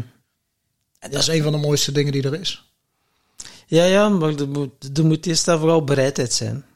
Want zonder bereidheid... eh, Ja, maar echt, de echte spirituele. ehm, nou, kijk, weet je, ik vind ook wel gek. Eigenlijk echt spirituele mensen. Dat bestaat eigenlijk ook weer niet. Het is gewoon iets wat. Ja, voor mij is het altijd iets wat. Het is me overkomen of zo. of het valt En toe. het was of- altijd simpel. Ik probeerde mezelf te begrijpen. Ik snapte er geen reet van. En zo ging ik zoeken. Ja, Je snapt nog steeds gereed. ik snap nog steeds geen reet van wie Ja, ik ben en wat ja, ik allemaal ja. doe en zo. En wat er allemaal mogelijk is. Nee, dus. Weet je, dus ja. Ja, ja, ja. Je hoeft het niet te snappen, te ervaren. Hè? Ja, als je het niet begrijpt, ervaar het gewoon. Mm. Het Ja, maar ook, hebt. ook, ehm, ook het stuk van. Het is, de, het is de wil, ja. Maar wil impliceert dan ook dat je het eh, vanuit je wilskracht kunt zoeken. En het zoekt jou, denk ik. Mm. Weet je, ik heb, ik heb, ik heb in die zin. ehm, Voor mij, ik kan lekker... eh, Als ik alleen naar mezelf kijk, hè, los van wat dat de geestenwereld mij dus blijkbaar uitgekozen heeft... om, om dingen gedaan te krijgen... Ik had ook gewoon prima achter een, klo in achter een kloostermuur kunnen zitten. Alleen ik alleen voor mezelf leef, zou leven? Ja hoor, Hm. prima. Ik ga een beetje zitten, een beetje mediteren de hele dag door. Ja, daar dachten die broeders anders over. dacht er anders over. Maar, maar om maar aan te geven dat, dat ehm, je, de, de bereidheid om te zoeken op spiritueel vlak, ik, dat is misschien, kan dat concreet wel iets, eh, een soort van beslissing zijn. Maar als je het spiritueel gaat bekijken, is het toch een, eh, iets wat bij je komt of zo. Dus de ziel zoekt jou, maar ja, dat kan zo spannend en beangstigend zijn dat jij dat er zoiets gaat Ja. van de, ik hoef Ja, het dan niet ga te je, weten. ga je allemaal wegduwen. Dat gaat ja, afblokken. Ja, Ja. ja. ja. is ook weer mooi hoor. Ja, en dat allemaal gewoon toelaten. Ja, Ja. en, en dat- dan eh, zitten we weer in dat stukje overgave. En eh, dan eh, dat de grond van onder eh, van uw voeten wegzakt. Ja. ja. Dat is Nee, maar dat is het. Maar ook, ehm, ook het stuk is, denk ik heel belangrijk is van... Soms heb je het ook nodig om met jezelf daarover te vechten. Oké. Weet je, dus, dus die dingen die je eigenlijk al weet die je moet doen, maar die je nog niet doet, omdat je ja, gewoon lekker niet doet. Ja. Ja, ja. ja, ja, ja. Dat is ook mooi, hè? Ja, ja, ja. Omdat je weet wat dan de eventuele gevolgen kunnen zijn. Wie je ervan wordt, wie er door wordt. Ja, wie er door wordt, ja. ja. En dat je dan misschien ja, beslissingen gaat moeten nemen dat je zegt van wow, ja, dat is... eh, Dat is het. Maar kijk, we zijn denk ik allemaal op hetzelfde pad. Ehm, we zijn allemaal met dezelfde processen bezig. Alleen, wat ik net ook meer wilde zeggen is van... Spiritualiteit is niet iets wat je op Ibiza een yoga retreat doet of zo. Of wat je op de zondag doet als je een uurtje naar yoga gaat. Nee, dat zijn de processen die 24-7 doorgaan. En waar je dus ook in je, in je slaap mee doorgaat. De connecties die er zijn allemaal. De mensen die je tegenkomt. Ja. Ja, en je moet ze dan uiteindelijk ook vertalen in, eh, eh, in je 3D-wereld waar je, waar je ook in opereert. Ja, maar de vertaling komt dus pas als je er klaar voor bent. mhm. Wat ik nu doe, had ik tien jaar geleden, daar was ik echt nog niet klaar voor. Absoluut niet. Dus, dus ehm, soms gaan die poort van de praktische pas open als je er klaar voor bent om het spiritueel gezien ook ehm, ja, te Dat je het pakken. mag geven, hè? dat je het mag, je bijdrage mag leveren. Ja, maar ook dat je er ehm, nou ja, volwassen klinkt een beetje zo, eh, maar je moet er een bepaalde processen door doormaakt hebben om dat te kunnen doen. Ja, ja, Ja. ja. Dus je Ja. wordt eerst wel voldoende getest door het universum Ja. en dan zo, oké, nu is hij er klaar voor Nu om het eh, voor. te delen. Nou, nou gaan we. Ja. ja, ja. ja. Wauw. Ja, dat is... eh, Ja, als ik- als ik terugblik tien jaar geleden, nee, dat had ik me dit ook niet zien doen. Nee. Nee, maar dat is het mooie toch? Maar dat is het, dat als je daar, en dat- ik denk dat mensen daar weinig bij stilstaan, dat het leven verandert zich niet door allerlei grote beslissingen. Ja, soms. Weet je wel, soms is, is een grote beslissing die iets verandert. Maar uiteindelijk zijn het heel veel kleine beslissingen bij elkaar die iets groots maken, denk ik. ja, ja, ja. Ja, en durf je daarbij dan voor jezelf te kiezen? En ja, bewust kiezen, ja, het is ook zoiets van 95% van eh, keuzes die je maakt of van je gedrag is onbewust automatisch. Dat je gewoon... Tuurlijk. Tuurlijk, je doet dat gewoon. Ja. Ja, Ja. Maar ik denk ook van, ehm, hè, niemand zijn leven is makkelijk en iedereen heeft zijn eigen stukken waar hij mee deelt. Ja. Weet je, dus, dus het is niet dan nou te denken van, oh, eh, die Bas heeft het allemaal eh, goed voor elkaar. Nee, absoluut niet. We zijn, en nogmaals, we zijn allemaal op dezelfde weg. Ja, ja. Ik begrijp nog steeds geen, geen reet van mezelf. Ik begrijp nog steeds niet hoe de wereld werkt. Ik doe een poging om het te, begrijpen en ja, Ja, hoe zeggen ze? We are walking each other's home of zo. Hè? Eh, ik weet niet wie dat dat zei. Was dat Ramdas of zo? Ik weet het ja niet meer. komt me, niet, me niet bekend voor, maar Ja. ik Ja. snap hem niet. wel. Ja. Ja. Maar, maar dat, dat is het dus. dus eh, en ik denk ook van, als je nou kijkt hoe het in het bedrijfsleven op dit moment gaat. Ja, er is gewoon een hele grote groep mensen die ja, echt ongelukkig is. Mhm. En dat het echt heel triest is. Dus meer dan de helft is het ongelukkig op hun werk. Als je het echt wel eh, Ja. bekijkt. eh, die Ja. echt tegen een zin gaan gaan werken. Ja. ja, Ah, dit is verschrikkelijk toch? ja En dan vragen we is- onszelf af waarom er zoveel geweld is. Waarom, ja, Dat mishandelingen iets van dat een ding. 70% wel, hè, pas op. Ik moet ook niet spreken. Ik heb ook 20 jaar ja, tegen mijn goesting. Allee, ja, ja, ik zat ook op een bureau als ambtenaar. Ja, compenseren dat wel onder de middag pinten drinken, om het, wat, om het wat draaglijker te maken. En zo heb ik het ook zo lang volgehouden. Maar ja, ik zat er ook mee te vervelen en niet, dat, dat was niet iets dat bij mij paste. Maar ja, dan ook kiezen voor het comfort op een manier. Ja. Van ja, op het einde van de maand, eh, ja, heb je toch wel een som voor dat je dan iets leuk mee kunt doen. Maar Zoals rekeningen betalen. ja, de en dan werd toen een keer op reis gaan en, eh, betalen, en op ja. café gaan en eh, ja, noem maar op. Maar dan is je wereld zo klein en je wordt dan, ja, je hebt dan ook een bepaalde omgeving en je wordt het gemiddelde van de vijf mensen waar dat er mee omgaat. Ja. Ja, dat zijn allemaal hele mooie quotes, maar als je die zelf hebt ervaren en doorleefd, dan hebben ze, ja, maar die kloppen echt wel. En Dan dat klopt is het, hè? Dan is het dan totaal is het- anders. Ja, Maar ik denk ook van ehm, die processen, hebben dat allemaal nodig om, om te zien van oké, waar kom je vandaan? En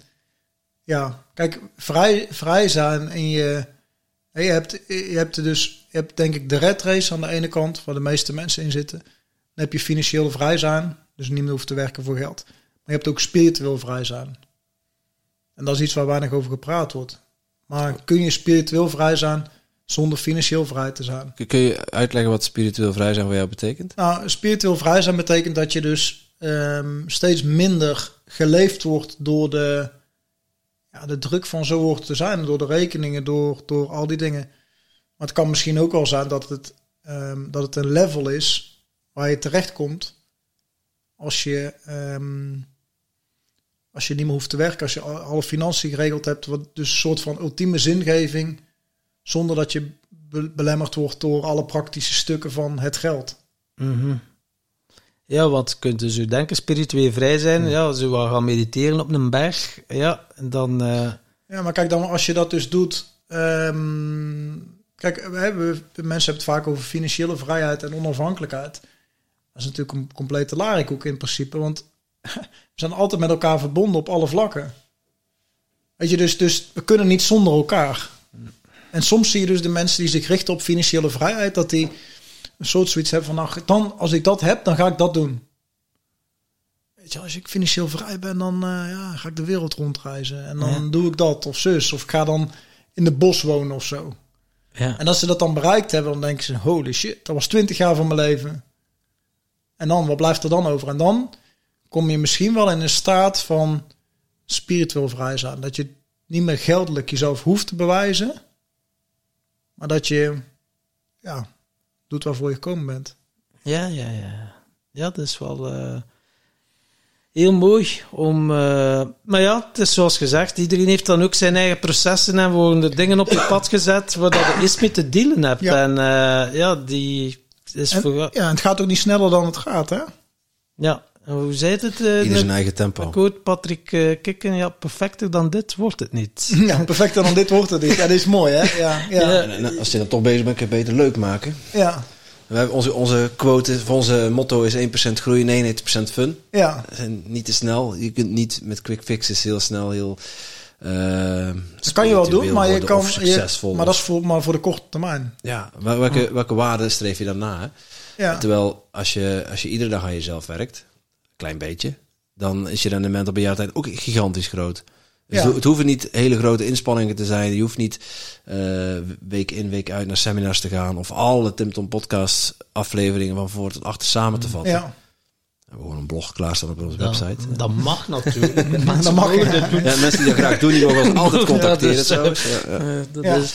Maar ja, in, in, in essentie gaat het ook gewoon om, om zijn, in het moment kunnen zijn. En eh, voluit jezelf, eh, vanuit je, je eigen kern, je hartsconnectie met andere mensen, eh, dingen doen die je, die je te doen hebt.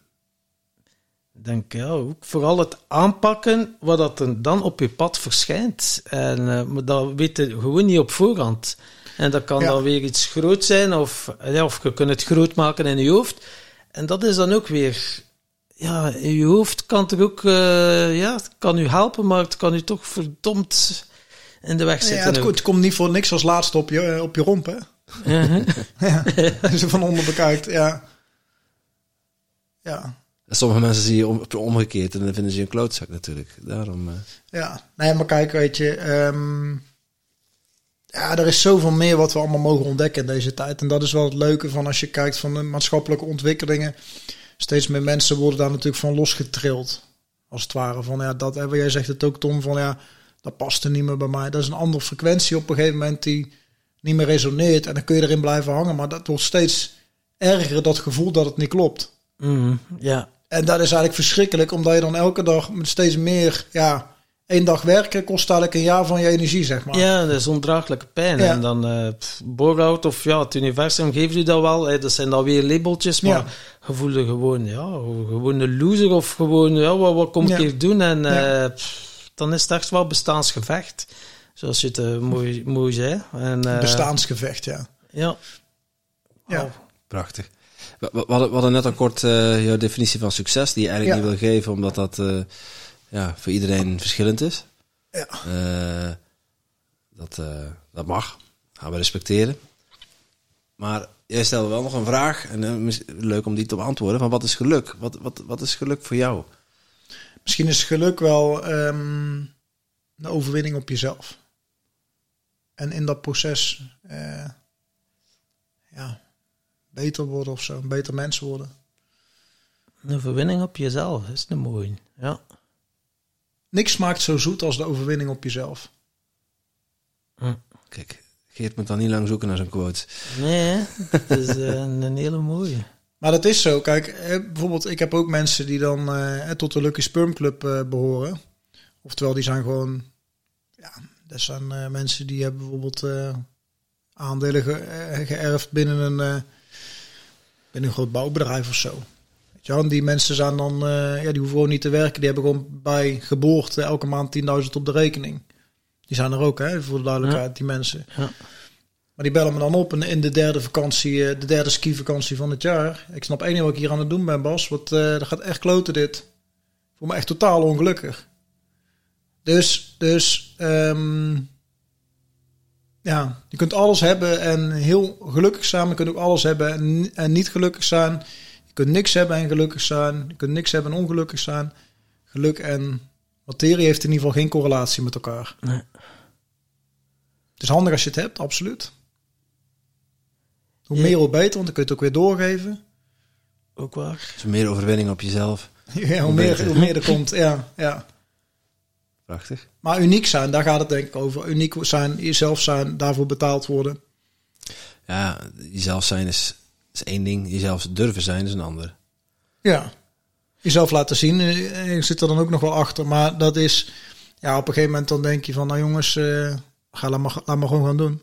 Ja, ja, want dat is dan zo jouw grootheid eh, gaan etaleren of gaan tonen, maar dat kan ook heel verlammend werken of zo van, hè, ben ik het wel waard? Ja, Dan, ja, eh, ja, hoezo? Ja, ja, dat kan. Ja, ja. ja. Ja, en dat is voor iedereen anders. eh sowieso. Dat merk ik ook wel. Want dan kijkt het terug van... Soms heb ik het idee, het gaat niet snel genoeg. Maar als ik dan kijk van, oeh, wat ik vijf jaar geleden stond en nu, dan denk ik, fuck man, wat, wat stappen heb ik hier allemaal gezet. Ja. Geniet er ook een keer van, van wat dat Ja. hier al gedaan heb. Neem er altijd vooruit en ja, dat is Ja. dan zo oh, iets... Je blijft in beweging, dat is ervoor ook niet slecht, maar een keer vertragen en stilstaan, daar zit ook weer het goud. En dat Ja. is ook weer het moeilijkste. Nou, mensen denken dus dat dat stilstaan is, maar dat is het niet. Nee, Het is herbronnen. Ja, ja, herbronnen, ja. ja. dat is mooi. Ja. Het is niet stilstaan. Dus, maar dat leert onze maatschappij niet. Als iemand uitvalt met een burn-out, moet zo snel mogelijk weer aan het werk. Dus, dus als mens ben je in het systeem een productiefactor. Ja. Dan kun je allemaal denken van, oh, ik werk bij zo'n fantastisch bedrijf. Voor een aantal mensen geldt dat ook, maar als je gewoon echt gaat ontleden, je bent gewoon een productiefactor in de meeste gevallen. Ja. Just a number. Ja, ja, maar het herbronnen is inderdaad wel... En meer en meer zie je wel mensen die in die herbronningsfase zitten. Ze hebben het soms zelf nog niet door. nee, ja, dat is ook eh, mooi, hè? Ja, Ja. omdat het dan ook wel allemaal met labels... Ah ja, ik heb dat, oei, of dat, of dat. Terwijl dat het gewoon iets is van... Ja, nu ga jij even stilstaan. Ja. Of herbronnen. Maar weet je, het gaat uiteindelijk ook om van... eh, zelfs al zit je dan aan zo'n bureau en je luistert nu met je oortjes in of zo... Ja. eh, Dan Stiekem, zelfs, stiekem naar de Stiekem, podcast ja. luisteren. Ja. zelfs ehm, dan kan je nog betekenis, een positieve betekenis aan de dingen geven. En dat, dat, dat ja, ook dan hoeft dat nog geen negatieve ervaring te zijn. Mm. Kan een negatieve ervaring zijn, maar het hoeft het niet te zijn. Ja, en het is ook allemaal wat, ja, wat maakt het positief, negatief. Het, is ook, het mag ook en-en zijn. Hè. Het licht kan niet bestaan zonder het donker, maar dat zijn Ja. allemaal hele mooie quotes natuurlijk. Maar als je die zelf gaat ervaren en gaat toelaten, die duisternis en zo, ja, dan kom je wel voor andere demonen ook te staan. Ja. En ja, het lukt mij ook niet altijd. Ja, het is zo dat je patronen nog hebt, waar dat je dan in, in mechanismen waar dat in vlucht, voordat je het weet, wow, damn, ik ben nu weer iets aan het eten bijvoorbeeld. Terwijl Ja. dat gewoon dat onrustig gevoel is. Eigenlijk is de taak van maak contact met dat onrustig gevoel. Wat wil je mij vertellen? Maar voordat je het weet, wop, in de, ja, in de ijskast even, ja, het zijn dan meestal wel gezonde dingen dat niet. Maar toch is het mechanisme weer hetzelfde. Van, oh, ik kan er toch weer niet bij zitten. Of, en dan is het ook weer de kunst mild zijn voor jezelf en jezelf er ook niet voor gaan afstraffen. En Ja, dat is ja, mooi, ja, man, ja. man, man, dan, en dan ben je weer, hè, dan, dan ga je weer. En dan denk je, oké, het is zo. Maar, Maar kijk, als we kijken naar bedrijfsleven, hè, dus, ehm, ehm, dus, dus als je kijkt naar mensen die bijvoorbeeld in een depressie zitten, ja, eigenlijk is dat omdat ze zichzelf niet meer kwijt kunnen in het werk. Hè? is eigenlijk iets onderdrukken dan ze doen. onderdrukken, ja. Maar ook als, stel je voor dat die mensen nou expressie zouden gaan geven aan hun leven. Op welke manier dan ook, kan ook heel klein zijn. Hè? Als je je ongelukkig voelt, ga eens kijken van wat, wat geeft me dan wel, waar kan ik dan wel geluk mee ervaren. Mhm. Ja. Weet je, dus, Dat is een dus wereld van verschil, hè? Nou, er wordt ook wel eens gezegd van het tegenovergestelde van depressie is expressie. Er zit ook wel wat in natuurlijk. ja. Als je jezelf niet meer kwijt kan en je bent neerslachtig, wat is dan de reden waarom dat gebeurt? Daar kun je heel diep op ingaan. Dan kun je ook kijken van oké, wat, hoe zou ik nou op een andere manier of een verdiepende manier expressie kunnen gaan geven aan, aan mijn leven nu? Ja.